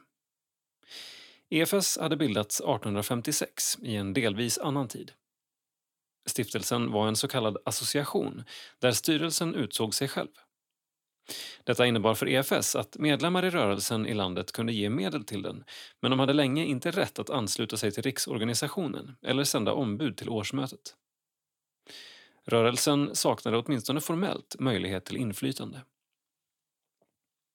Den allmänna samhällsutvecklingen folkrörelsetänkandet och inte minst övergången från ståndsriksdag, adel, präster, borgare, bönder 1865-1866 till tvåkammarriksdag, till vilken fler hade rösträtt, medförde att rörelsen började ställa krav på EFS att förändras i demokratisk riktning. Detta kombinerades med en önskan från stiftelsen att knyta rörelsen närmare till sig. Ett första förslag 1872 att förändra EFS accepterades dock inte av rörelsen då den skulle givit anslutna missionsföreningar för litet inflytande. Ett förnyat förslag 1874 accepterades dock. Nu fick EFS ett årsmöte som högsta beslutande instans till vilket anslutna evangeliskt-lutherska missionsföreningar hade rätt att sända ombud. Ändå demokratiserades inte stiftelsen helt vid årsmötet hade även styrelsens medlemmar och provinsombuden, av EFS utsedda representanter ute i landet, rösträtt. Styrelsen kunde fortsätta att kontrollera årsmötet genom att kalla och avsätta provinsombud. Ett ombud för en ansluten lokal missionsförening, även om den hade många medlemmar, hade lika stor röstkraft som en styrelseledamot eller ett provinsombud. Anslutna regionala missionsföreningar som organiserade rörelsen i ett landskap eller län hade dock rätt att sända två ombud. Detta nya styrelsesätt kom att få betydelse längre fram. Inom EFS styrelse fanns vid denna tid en oro för vad medinflytandet skulle kunna föra med sig. Fanns där risk att EFS skulle tvingas lämna sin evangelisk-lutherska bekännelse och inomkyrklighet? Skulle ett årsmöte kunna besluta så? Forskningen har visat att denna oro ledde till att stiftelsen demokratiserades enbart med försiktighet. För EFS styrelse var det fortsatt viktigt att behålla riksorganisationen evangelisk-luthersk och inomkyrklig. En opposition till denna hållning hade dock på 1870-talet växt fram i rörelsen på lokal och regional nivå. Denna lyfte A. Försoningsfrågan B. Nattvardsfrågan. Vilka skulle fira nattvard? Alla döpta eller enbart de på Kristus troende? C. Bekännelsefrågan. Kunde EFS ha en bredare bekännelse än den evangelisk-lutherska? I och under dessa frågor fanns även demokratifrågan och frågan om rörelsens relation till Svenska kyrkan. Oppositionen försökte under EFS årsmöten 1876-1878 förändra stiftelsens stadgar. När detta inte gick bildades i augusti 1878 Svenska Missionsförbundet. Detta förbund fick en juridiskt oklar relation till Svenska kyrkan men utvecklades tidigt till ett eget kyrkosamfund genom att lokalt ha egna gudstjänster och nattvardsfiranden som inte leddes av prästvigda. Under perioden 1878 till 1890 delades den nyevangeliska väckelserörelsen upp mellan tillhörighet till EFS eller SMF. Stiftelsen förblev stark i syd, Skåne, Blekinge och behöll kopplingen till stora delar av rörelsen i övre Norrland även om denna till stor del inte var organiserad och mer kunde ses som kyrkoförsamlingarnas missionsföreningar. I mitten av landet kom SMF att organisera stora delar av rörelsen. För Dalarnas och Värmlands del räknas 75 procent av rörelsen ha kommit att organiseras inom Missionsförbundet. Även Uppland, Gästrikland, Västmanland, Sörmland, Östergötland och Västergötland blev starka SMF-områden. Många lokala missionsföreningar splittrades. Minoriteten inom dessa, där majoriteten övergått till att bli SMF-kopplad, ombildades till evangelisk-lutherska missionsföreningar och fortsatte på så vis sin verksamhet. I Uppsala skedde detta då den ursprungliga missionsföreningen på Kungsgatan delades. Den mindre delen bildade en evangelisk-luthersk missionsförening och fick så småningom en lokal på Övre Slottsgatan innan den 1970 var med att bilda Lötenkyrkan. Pietisten var inte längre den naturligt samlande tidskriften. Istället betonade EFS budbäraren och missionstidning sammanhållningen inom den av stiftelsen ledda delen av rörelsen. Men det var mycket mer som hände för EFS under 1870-talet. År 1869 hade styrelsen beslutat att missionsskeppet Ansgarius skulle byggas. Tanken var att stiftelsen själv skulle kunna sköta transporterna av missionärer, förnödenheter och byggmaterial till missionsfälten. På återvägen till Sverige tänktes missionsskeppet ta andra frakter för att finansiera verksamheten. Fartyget byggdes och gjorde sin första resa 1873. Dock avvecklades det redan 1877 då det gav för små inkomster och det var lättare att hyra in sig på andra fartyg för de transporter som behövde ske. 1879 såldes Ansgarius Nysatsningar i form av mission på de estniska öarna, bland den svensktalande befolkningen där, startade 1873 och samma år etablerade EFS mission bland svenska utvandrare till USA. Den första expeditionen för att nå in till Galla-folket i nuvarande Etiopien gjordes 1877 och samma år startades missionsarbetet i Indien bland gonderna. På 1870-talet började även Rosenius dagbetraktelser ges ut, vilka spreds i stora upplagor och påverkade många. Vidare utvidgades sjömansmissionen genom att arbetet togs upp bland annat i Liverpool 1870, Cadiz, Spanien 1870, Boston och New York 1873, Baltimore 1877, Marseille 1877 och i Grimsby 1878. Några av dessa sjömansmissioner bedrevs dock enbart under en kort tid. För EFS innebar 1870-talet med andra ord både splittring och nysatsningar. Kommentar det är anmärkningsvärt att väckelser och starka tillväxtperioder i kyrkohistorien nästan alltid bryts upp i lärostrider. Ständigt går gudsfolket i samma fälla och låter konflikter leda till splittring. Intressant är dock att EFS, då som nu, var bekännelsetrogna och att vi inte satte kortsiktiga vinster i första rummet. Då som nu betalar vi ett pris för att vi inte kompromissar med bekännelsen. Begreppet brytningstider, segertider, myntades av Levi Petrus långt senare men stämmer väl in på EFS.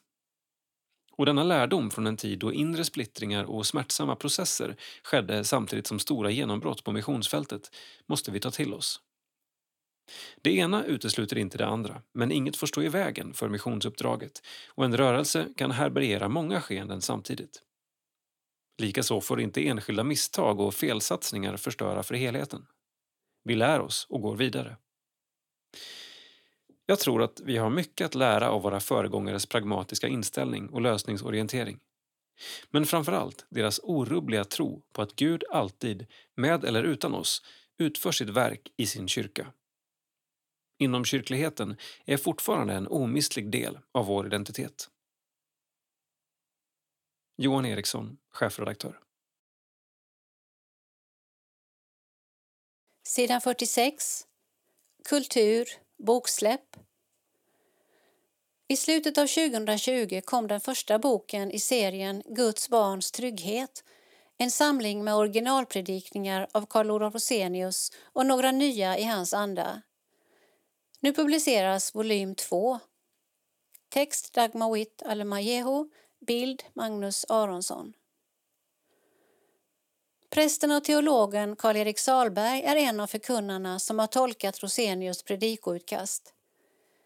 I mitt predikoutkast vill jag lyfta fram det texten talade om, Guds rikes växt.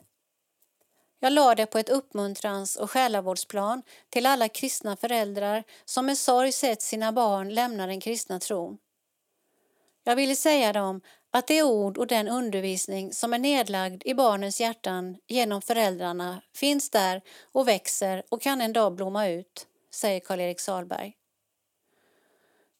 Carl-Olof Rosenius har betytt mycket för EFS som rörelse och det är med hopp om att även den yngre generationen ska inspireras av hans sunda lära som predikningarna nu tolkas av kända predikanter. Det är nog hans nådesförkunnelse som skulle kunna vara till hjälp för skuldtyngda och skamfyllda människor idag. Gud vill oss väl. Relationen mellan honom och mig är upprättad genom det Jesus gjorde på korset. Människor i nöd behöver nåd.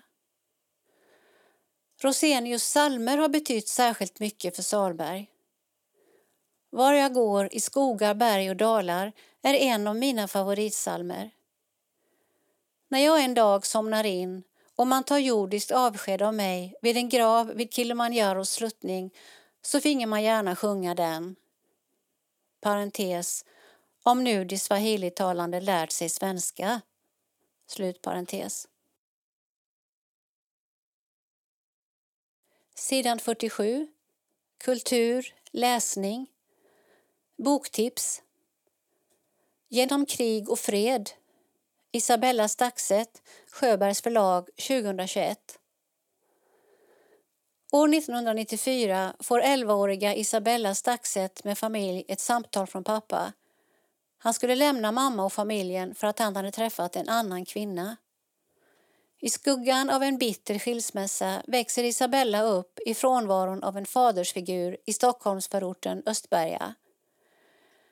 När den annars självständiga och tuffa tjejen träffar frontfiguren för rapgruppen Kartellen tillika grovt kriminelle Sebbe Stax, Sebastian Staxet, varvas kärlek, glädje och ett uppfyllt bekräftelsebehov med droger, självdestruktivitet och sorg.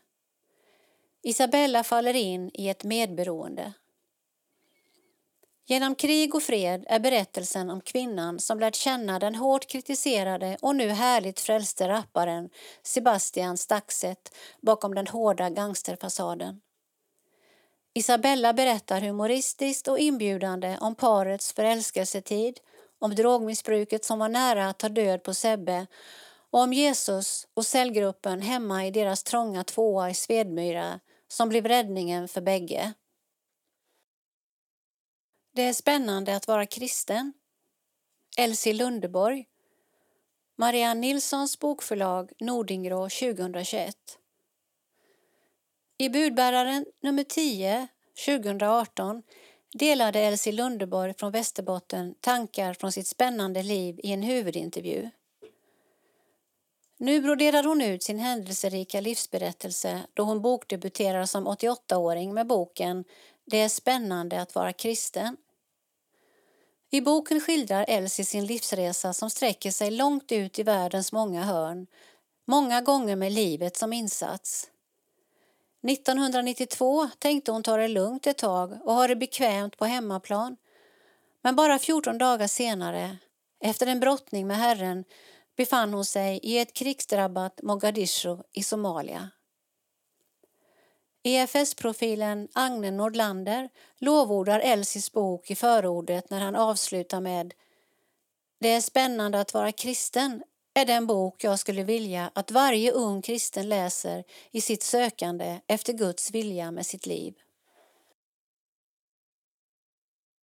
Förlåt det som inte går att glömma. Lisa Turkhurst, Livets Ords förlag 2021 Bästsäljaren Förlåt det som inte går att glömma är boken för alla som har ställt sig frågan Är det möjligt att förlåta? Genom att lyfta genomlevda exempel där sorg och bitterhet må ha varit befogat kontrar Törkörst med bibliska sanningar och terapeutisk förståelse som gör upp med oförlåtelsens alla argument.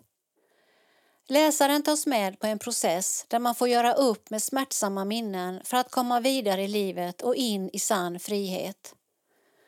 Om du någonsin har försökt att förlåta någon och bara inte nådde fram är den här boken för dig, skriver Tracy W som har läst boken. Lisa Turkhurst är en amerikansk författare och talare och leder organisationen Proverbs 31 Ministries. Sida 49. Kultur. Salm. 201. En vänlig grönskas rika dräkt. En vänlig grönskas rika dräkt har smyckat dal och ängar. Nu smeker vindens ljumma fläkt de fagra örtesängar. Och solens ljus och lundens sus och vågens sål bland viden förkunna sommartiden. Sin lycka och sin sommarro de yra fåglar prisa. Ur skogens snår, ur stilla bo framklingar deras visa. En hymn går upp av fröjd och hopp från deras glada kväden, från blommorna och träden. Men du, o Gud, som gör vår jord så skön i sommarns stunder, giv att jag aktar främst ditt ord och dina nådes under. Allt kött är hö och blomstren dö och tiden allt fördriver. Blott Herrens ord förbliver.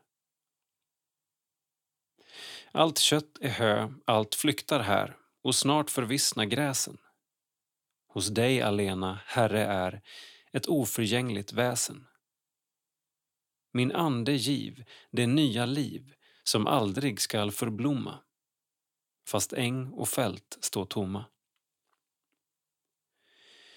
Då må förblekna sommarns glans och vissna allt fåfängligt. Min vän är min och jag är hans, vårt band är oförgängligt. I paradis han huld och vis mig sist ska omplantera där inget vissnar mera.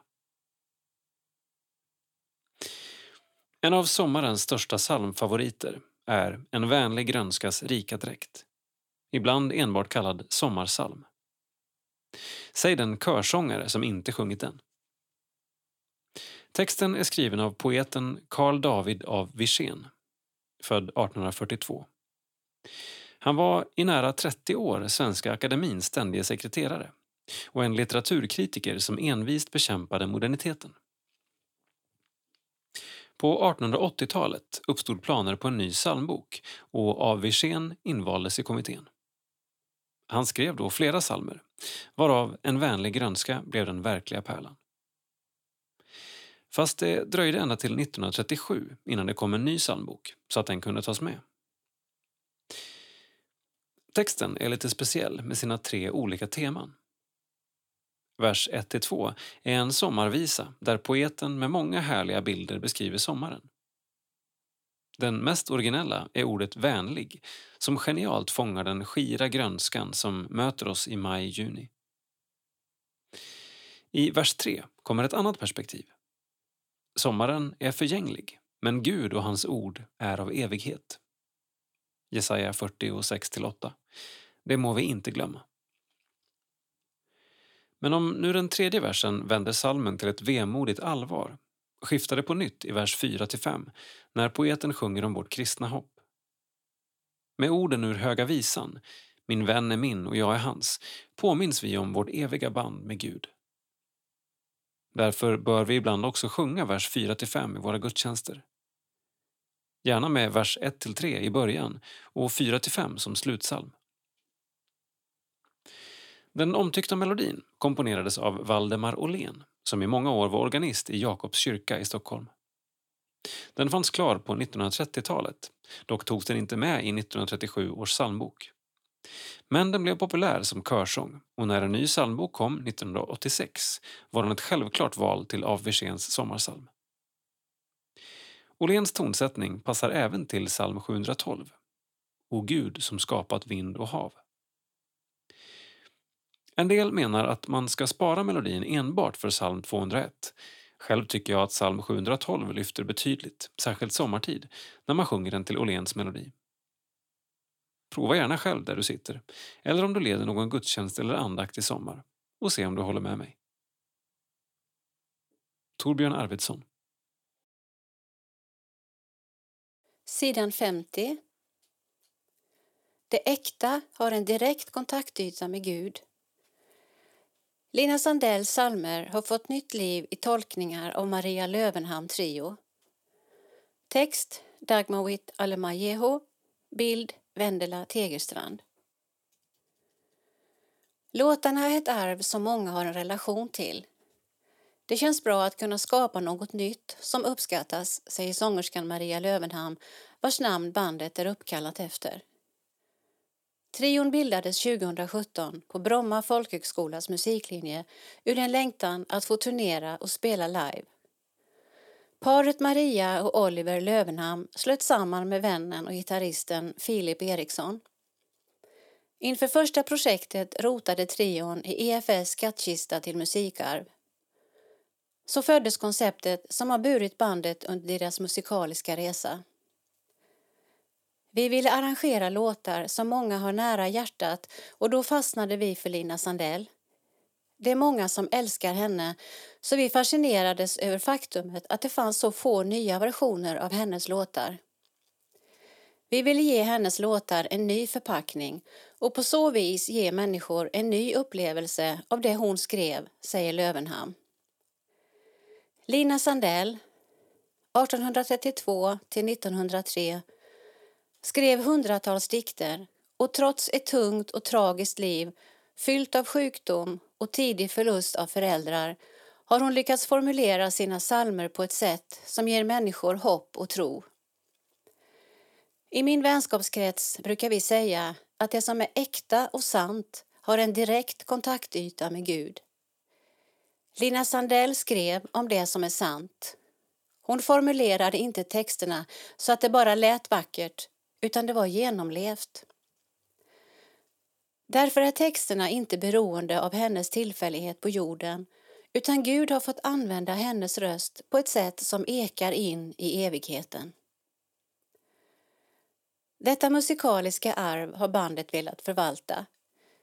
Det som gör trion och Sandellprojektet unikt, menar Maria, är att de alla kommer från olika musikaliska bakgrunder.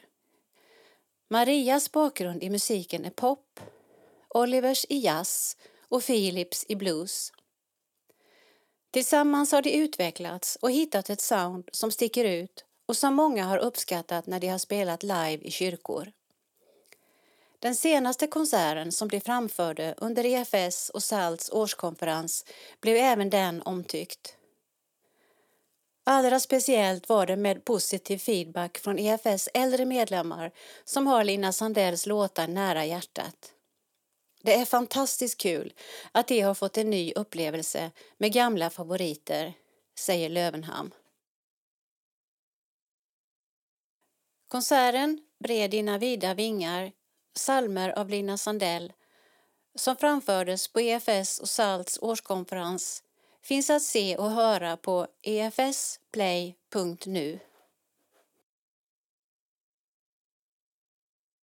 Sida 53. Info. Kalendarium, information, kungörelser, sociala medier och mycket mer som rör EFS och SALT. Har du frågor? Kontakta oss på budis efs.nu. På gång. Söndagkvällar 18 till 19.00 online. Gemensam bön. Info finns på efs.nu. Under sommaren. Konfirmation och andra läger i EFS olika distrikt och regioner. Se respektive hemsida. 5-8 augusti, Högsby. Salt Expel. Läger med LAN och brädspel för ungdomar. Högsby. Mer info på expel.se. 13-15 augusti online. EFS Norrbottens inspirationshelg. Citat. Hur formar vi lärjungar som kommer i funktion i sina gåvor och kallelser? Hur ser ett ledarskap ut som går från att utföra till att skickliggöra? Slutcitat. Mia Ström och Magnus Persson bjuder in till fortbildningsdagen Mission i Sverige som hålls på tre platser i oktober. Vi vill uppfylla det vi lovat. Ingrid Lindberg och Kristina Dagman från Holmsund blev årets insamlare. Text Dagmar Witt Alemajehu. Trots coronapandemin var EFS-föreningarnas insamlingsiver glödande under året som gått. Bland många värdiga nominerade till priset Årets insamlare stod det till slut klart att Solbackakyrkans EFS-förening i Holmsund kammade hem vinsten. Det var oväntat, men såklart trevligt och en uppmuntran i vårt fortsatta insamlingsarbete, säger Ingrid Lindberg som tog emot priset tillsammans med Kristina Dagman under EFS årskonferens. EFS missionsföreståndare, Kerstin Oderhem, överlämnade priset under en av studiosändningarna och motiveringen löd Ingrid och Kristina är sanna föredömen i engagemang och hårt insamlingsarbete. År efter år har de trofast samordnat höstens missionsförsäljningar i EFS Holmsund med allt från pepparsåsmiddagar till aktioner och loppisar. Föreningens årliga insamlingssatsning äger rum i november varje år och Ingrid berättar att några hundra personer brukar trängas i Solbackakyrkan där de vanligtvis håller till. Men i skuggan av pandemin var satsningen nära på att ställas in. Det kändes omöjligt, men sedan började ändå spira tankar att vi hellre borde göra något än ingenting. När vi väl hade kläckt idéerna hakade medlemmarna på. Det behövs en motor, men också en mottagare för att genomföra en satsning som denna. Engagemanget gick under beteckningen Missionsfest och delades upp i tre grenar. Föreningen anordnade ett Swish-lotteri som liknade en missionsaktion. En annan aktivitet var att fota sig själv under en promenad med syfte att synliggöra och sprida satsningen. Även här uppmuntrades att skänka en slant. Det tredje alternativet var att skänka en valfri summa. Insamlingen landade på överraskande 84 000 kronor, berättar Ingrid. Vi har lovat att stötta olika projekt i världen och det vill vi uppfylla. När man känner att det finns någon som svarar positivt på våra vinkningar är det värt mödan. Ännu vet föreningen inte hur vinstsumman på 10 000 kronor ska fördelas. Något inom kyrkan blir det, säger Ingrid. Stafettpinnen lämnas över. I samband med SALTs årsmöte avtackades Filippa Starfelt och Erik Wells för sina insatser som ledamöter. Även Maria Bengtsson, som har haft ordförandeposten i två år, lämnar nu stafettpinnen vidare. Ny ordförande är Daniel Forsberg och vice ordförande är Mikael Rastas. Sammanlagt består SALTs nya styrelse nu även av Jessica Reijer, sekreterare, Olle Rosenius, Sandra Åman, Simon Simonsson, Sofia Ståhl, Sofie Myrtenstam, Thomas Rosenqvist, Daniela Kullenberg, nyval, Samuel Eriksson, nyval och Tove Eng, nyval. Olycksfallsförsäkringar EFS erbjuder två försäkringar som riktar sig till icke anställda som medverkar eller deltar i aktiviteter som anordnas av EFS och SALT. Försäkringarna gäller om man drabbas av en kroppsskada genom en oförutsedd yttre händelse. Observera att riskfyllda aktiviteter inte täcks av försäkringarna. Deltagarolycksfallsförsäkringen, nummer K63674, gäller för samtliga som deltar på våra gudstjänster, läger, scoutverksamhet, samlingar med mera inom EFS och SALT. Gäller verksamhet i alla våra föreningar och gårdar. Olycksfallsförsäkringen, nummer K66196, gäller volontärer, förtroendevalda och praktikanter som för en ringa eller ingen ersättning alls gör frivilliga insatser för EFS och SALT. Ifall en kroppsskada skulle uppstå ringer man Folksam på 0771 950 950. Uppge avtalsnummer samt kontaktperson Jenny Antonsson. Gåvoresultat maj. EFS. Insamlat 2,9 miljoner kronor. Budget 2,8 miljoner kronor. Det preliminära insamlingsresultatet för maj är cirka 136 000 kronor över budget. Stort tack för trofast givande. Låt oss fortsätta ge för att människor och samhällen ska bli förvandlade av Jesus.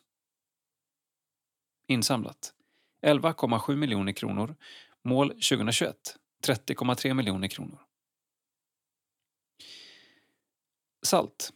Insamlat 221 897 kronor. Mål 2021 1 miljon kronor. Än har vi långt kvar för att nå vårt insamlingsmål, men nu när verksamheterna äntligen kan öppna upp är vi fyllda av hopp om ett ökat givande. Allt för att våra barn och unga ska få lära känna, komma till tro på och följa Jesus Kristus. Varje gåva gör skillnad. Årsmöte Digital demokrati I mitten av maj hölls EFS 165 årsmöte. Även detta år helt digitalt. Text Marcus Holmström. Bild Magdalena Vogt. Efter lång tid med social distans hade vi hoppats på att äntligen få träffas. Tyvärr såg läget annorlunda ut då både Uppsala och Kalmar drabbades av hög smittspridning av covid-19 och vi fick ställa om i sista stund. Med halva presidiet i Kalmar och halva i Uppsala. Trots omständigheterna blev årsmötet, som hölls 14-15 maj, väldigt lyckat med goda samtal och intressanta debattinlägg via plattformen Votit. Värt att notera är att det digitala årsmötet engagerar på ett annat sätt än när vi ses fysiskt. När vi i vanliga fall har ett fåtal debattörer framme vid podiet kan vi på det digitala mötet konstatera ett helt annat gensvar, säger Rebecca Kada, organisationssekreterare på EFS. En av de frågor som engagerade mest var motionen om barnvälsignelse som hade 52 olika inlägg i debatten. Samt motionen Missionsutmaning som ledde till 33 olika inlägg.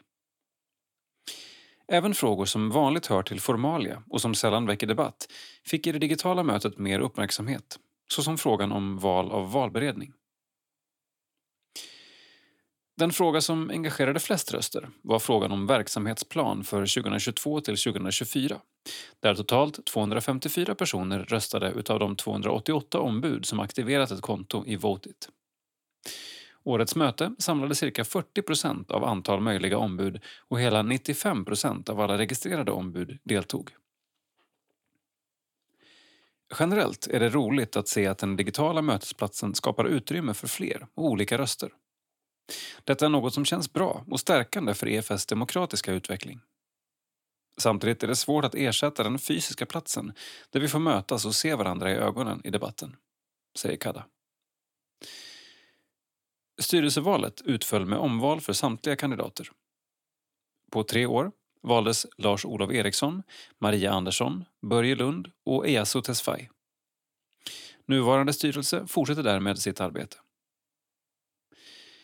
På styrelsens konstituerande möte valdes även samma presidium bestående av Lars-Olof Eriksson som ordförande med Lillemor Persson som första vice ordförande och Thomas Andersson som andra vice ordförande.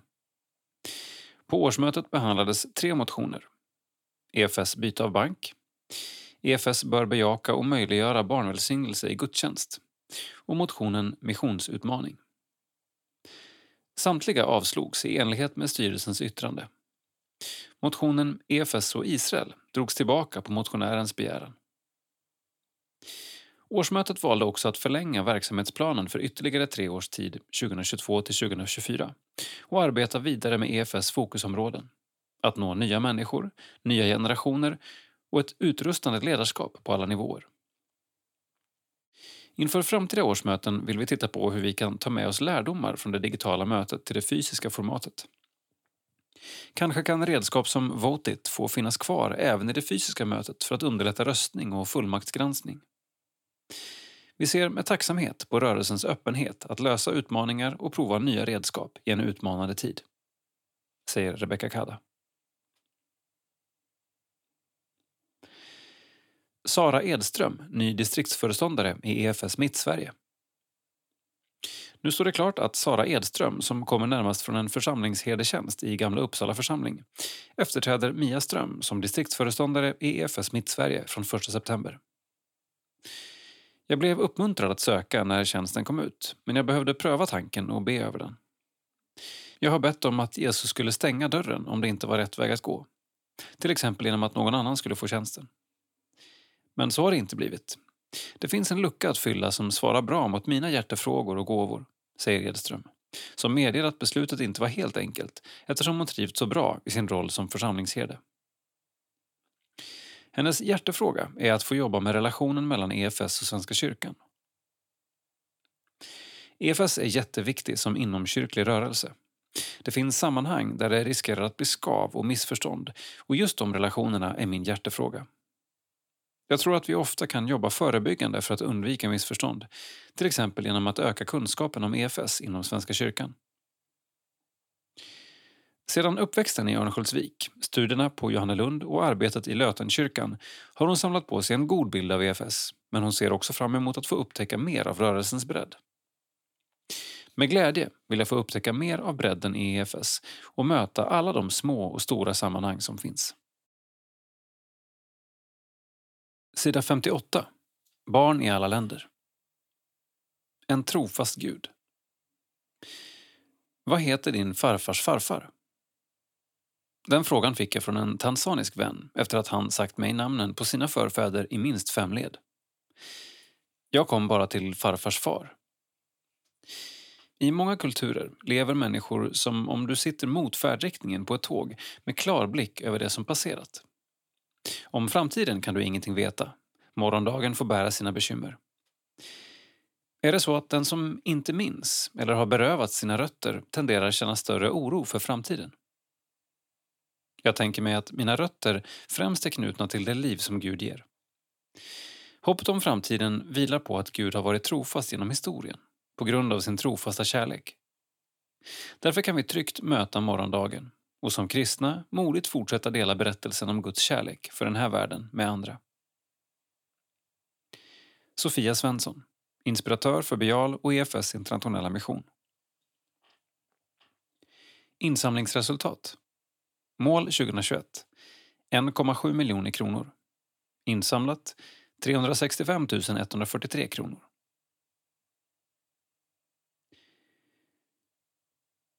Hur många klädlager kan du ta på dig?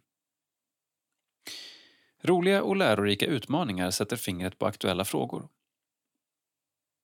Barnens tankesmedja Challenge är ett koncept med utmaningar där barn och ledare får tänka, tävla och prata om rättvisa, tro och framtiden. Utmaningarna passar för barn i åldrarna 8 till 12 år och har tagits fram av Diakonia, Ekumenia och Svenska Alliansmissionens ungdom. Upplägget kan anpassas efter gruppens storlek och förutsättningar och går att skala upp och ner. Ett perfekt upplägg att använda som inslag på sommarens dagläger eller i den verksamhet som din förening redan har. Flera av utmaningarna går även att genomföra digitalt. Läs mer på barnenstankesmedia.se. Hallå där, Ronak Matthews, som är 11 år och medlem i EFS systerkyrka ELC in MP i Junardeo, Indien. Vilka är dina intressen? Dansa, leka och måla. Vad gillar du med din kyrka? Jag tycker om att gå i kyrkan och söndagsskolan och även att vara där efter gudstjänsten. Har du en favoritberättelse i Bibeln? David och Goliat. Hur har pandemin påverkat din vardag? Mycket är annorlunda. Jag brukade gå i skolan, men den har varit stängd sedan förra året. Jag brukade gå till kyrkan, men alla kyrkor har varit stängda. Jag älskar att leka med mina vänner efter jag gjort mina sysslor. Allt detta viktiga i mitt liv har påverkats negativt och mitt schema är förstört. Jag kan inte göra saker som jag brukat och det kommer ta mycket tid att vara på banan igen. Jag hoppas på Jesus, att allt ska lugna sig och att världen ska blomma snart igen. Sidan 60, region Norrbotten Gästfrihet, miljö och rättvisa. Elisabeth Armfield är fortfarande ung men har hunnit med mer än de flesta. Text Monica Arndt. Bild Elisabeth Armfield. Från Jokkmokk i Norrbotten går resan via Glimåkra och Liljeholmen till Kansas i USA och liv i kollektiv inriktat på arbete bland de hemlösa. Där träffade hon sin man Joshua. Efter några år började resan via en fraktbåt tillbaka till Sverige, Norrbotten och EFS i Luleå och så småningom två små barn och ett nystartat kollektiv på Sundet. Berättelsen börjar i Jokkmokk där Elisabeth växte upp med en svensk mamma och en amerikansk pappa. Hon växte upp i en kristen miljö men ville efter gymnasiet utforska sin tro. Hon sökte sig till Glimåkra folkhögskola och konsthantverkslinjen för att sedan gå bibellinjen med inriktning miljö och rättvisa på Liljeholmen. Efter detta skulle hon av miljöskäl ta sitt livs sista flygresa till USA för att lära känna sin farfar i Kansas och utforska kristet kommunitetsliv där. Hon hade gett sig själv ett löfte att inte ge sig in i något förhållande där eftersom hon själv sett svårigheterna med att komma från olika kontinenter och att bo långt från sin familj. Men hon träffade någon och tiden i USA blev tre år istället för ett. Hon gifte sig med Joshua Armfield i Kansas och till sist tog de beslutet att flytta till Sverige. Tanken var först att söka sig till en kommunitet i Göteborg men de ville vara närmare Elisabets familj i Norrbotten. Hon utbildade sig till sjuksköterska och de gick med i EFS Luleå. Så småningom öppnade sig möjligheten att starta upp en kommunitet på lägergården Sundet i EFS Luleås ägo och kommuniteten Senapskornet är nu inne på femte året. Under coronapandemin har mycket förändrats. Det som Elisabeth saknar mest är att visa gästfrihet genom att bjuda in människor. Just gästfrihet och rättvisa är två av Elisabeths hjärtefrågor som har gått som en röd tråd genom hennes liv. Jesus är vårt allra tydligaste exempel på att det är viktigt med rättvisa. Han tog sig utan att tveka an dem som stod utanför, åt med dem, helade dem. Vi är kallade att vandra tillsammans med dem som står utanför. Vi har så mycket att lära oss av dem, säger hon. Gemenskapsmåltiden, som ordnas för socialt utsatta i EFS Luleås lokaler mitt i centrum, har fått ställa om. Tanken med måltiden är att sitta tillsammans vid samma bord och dela måltiden med dem man vanligtvis inte träffar. Istället för detta har man nu delat ut matpåsar, funnits utomhus vid eldfat och bjudit på korv och kaffe. Man erbjuder också möjlighet till duschar och läkarvård för de som behöver, men har behövt anpassa även detta. En annan av Elisabets hjärtefrågor är miljön och på sundet bedriver senapskornet småskaliga odlingar, bland annat till gemenskapsmåltiden. Att vårda skapelsen är en del av vår kallelse. Gud älskar sin skapelse. Han vill hela oss människor, men också jorden. Vi behöver vara rädda om den för jordens skull, men också för de generationer som kommer efter oss. Det Elisabet önskar efter pandemin är att vi tar med oss insikter kring att det går att leva mer hållbart. Hon längtar efter att få öppna sina dörrar igen. Det finns ett sådant stort behov av att mötas, dela tro, vardag och gemenskap tillsammans. Region Västsverige En resurs till utbildning och inspiration under pandemin har Hjälmared folkhögskola haft öppet tack vare en fantastisk personal. Ett nytt visionsdokument har arbetats fram med fokus på människor. Vi vill möta utsatthet och psykisk ohälsa genom att erbjuda plats på skolan. Det är evangeliet i handling till människan, säger rektor Mikael Lindgren. Bibelskolan är en viktig kurs för Hjälmared. Den har lett till flera som gått ut i tjänst för Guds rike.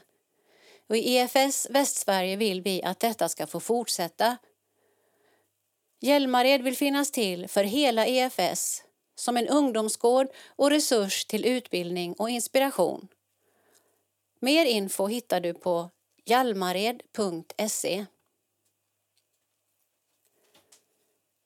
Tacoteens i Allingsås. Noltorpskyrkan har ställt om i sin verksamhet och bland annat startat Tacoteens. Marie Edin är församlingspedagog i Noltorpskyrkan, en samarbetskyrka i Allingsås. Hon berättar att man till en början pausade all verksamhet men under sommaren lättades restriktionerna. När våra regionala läger fick ställas in så satsade vi på ett lokalt läger. Vi träffades en mindre grupp tonåringar i årskurs 7 och 8. Efteråt ville de fortsätta att träffas mer. Det blev startskottet för Taco Teens, berättar Marie. Arvid Lundqvist, 18 år, var en av ledarna på lägret och fortsatte sedan i gruppen som lekkille. Det känns som en bra grej. Vi delar livet i gemenskap. Vi börjar med lite mingel vid pingisbordet och sen när alla är här börjar vi med en huvudaktivitet. Det kan vara en lagkamp eller lek. Efter detta äter vi tillsammans. Därav namnet Taco Teens. Sist har vi en andakt där vi delar det viktiga i livet, ett ord från Bibeln. Det är härligt att få dela livet och gemenskap tillsammans, säger Arvid. Taco Teens fortsätter att träffas utomhus. Arvid och Marie säger att gruppen fortsätter för att ungdomarna vill träffas. Hallå där, Sebastian Holmgren som avtackas som saltkoordinator och ungdomspräst i EFS Västsverige och är på väg mot nya uppdrag som präst i Hammarbykyrkan. Vad vill du hälsa till Västsverige innan flyttlasset går? Fortsätt att satsa tid och pengar för att se människor och samhällen förvandlade av Jesus. Det är värt det. Vad känns spännande kring din kommande tid i Stockholm? Att få möta församlingen och staden, att få fira mässa ofta. Men också att få vara kyrka i ny tid, post-corona. Man vet inte hur Gud har jobbat med människors hjärtan under pandemin. Det enda man kan vara säker på är att Jesus är densamme. Det ger hopp. Sidan 65. Krönika Salt hur är din jord? Jag är mer än mina barns mamma, mina vänners vän och mitt grannskaps missionär. Jag är först och främst Guds barn, skriver Maria Ottestig. Jag befann mig på den lokala handelsträdgården för att titta på buskar och träd. Jag har inga gröna fingrar, men däremot ett presentkort som jag ville förvalta väl. Det vill säga inte bara köpa några blommor som jag inom kort kommer att ha död på. Nej, nu skulle jag satsa på något mer bestående. Här stod jag nu och fick träffa en kunnig expedit som tålmodigt svarade på mina novisa frågor. I vilket läge växten trivs, hur den bäst ska skötas, hur dess blommor ser ut och så vidare. Men så hör jag henne ställa en fråga till mig. Hur är din jord? Jag förstår att det här är en grundläggande fråga som bör påverka mitt val av växt och i förlängningen växtens möjlighet att trivas och växa. Så klokt av henne att ställa denna fråga. Hur är min jord? Någon dag senare läser jag ur Bibeln och Jesu liknelse om såningsmannen. Ni vet, ofta kanske man identifierar sig med någon i texten och det slår mig att jag, när jag läst texten tidigare, oftast tänkt att jag är såningsmannen.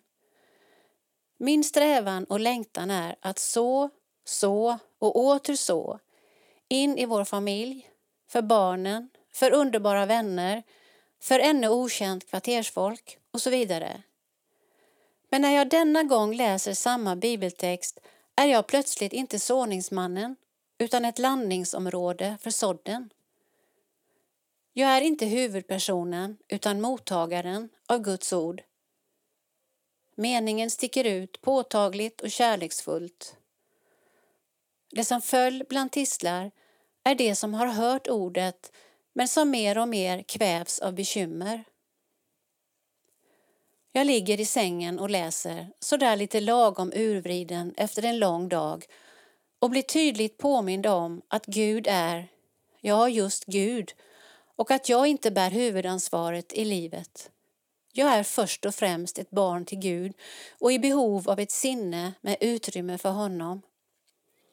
Jag är mer än mina barns mamma, mer än mina vänners vän och mitt grannskaps missionär. Jag är först och främst Guds barn. Jag inser att jag allt som oftast har omsorg, bekymmer och tankar kring min egen jord. Orostankar för hur jag bäst hjälper mina barn, hur jag som förälder ska räcka till, hur jag prioriterar och så vidare. Ja, listan tenderar att ofta bli väldigt lång. Och jag inser att detta fokus och denna oro påverkar mig så att min egen jord inte är som jag egentligen vill att den ska vara. Kanske har vi alla en egen jord, H-J-O-R-D, på ett eller annat sätt. Till dig som vuxen och till dig som är förälder. Kanske är det så här hos fler än mig att oro och bekymmer tenderar att fylla vårt tankeutrymme att omsorgen, strävan och längtan efter att göra gott och rätt för jorden H-J-O-R-D-E-N tar så stort utrymme att vår egen jord, J-O-R-D, glöms bort.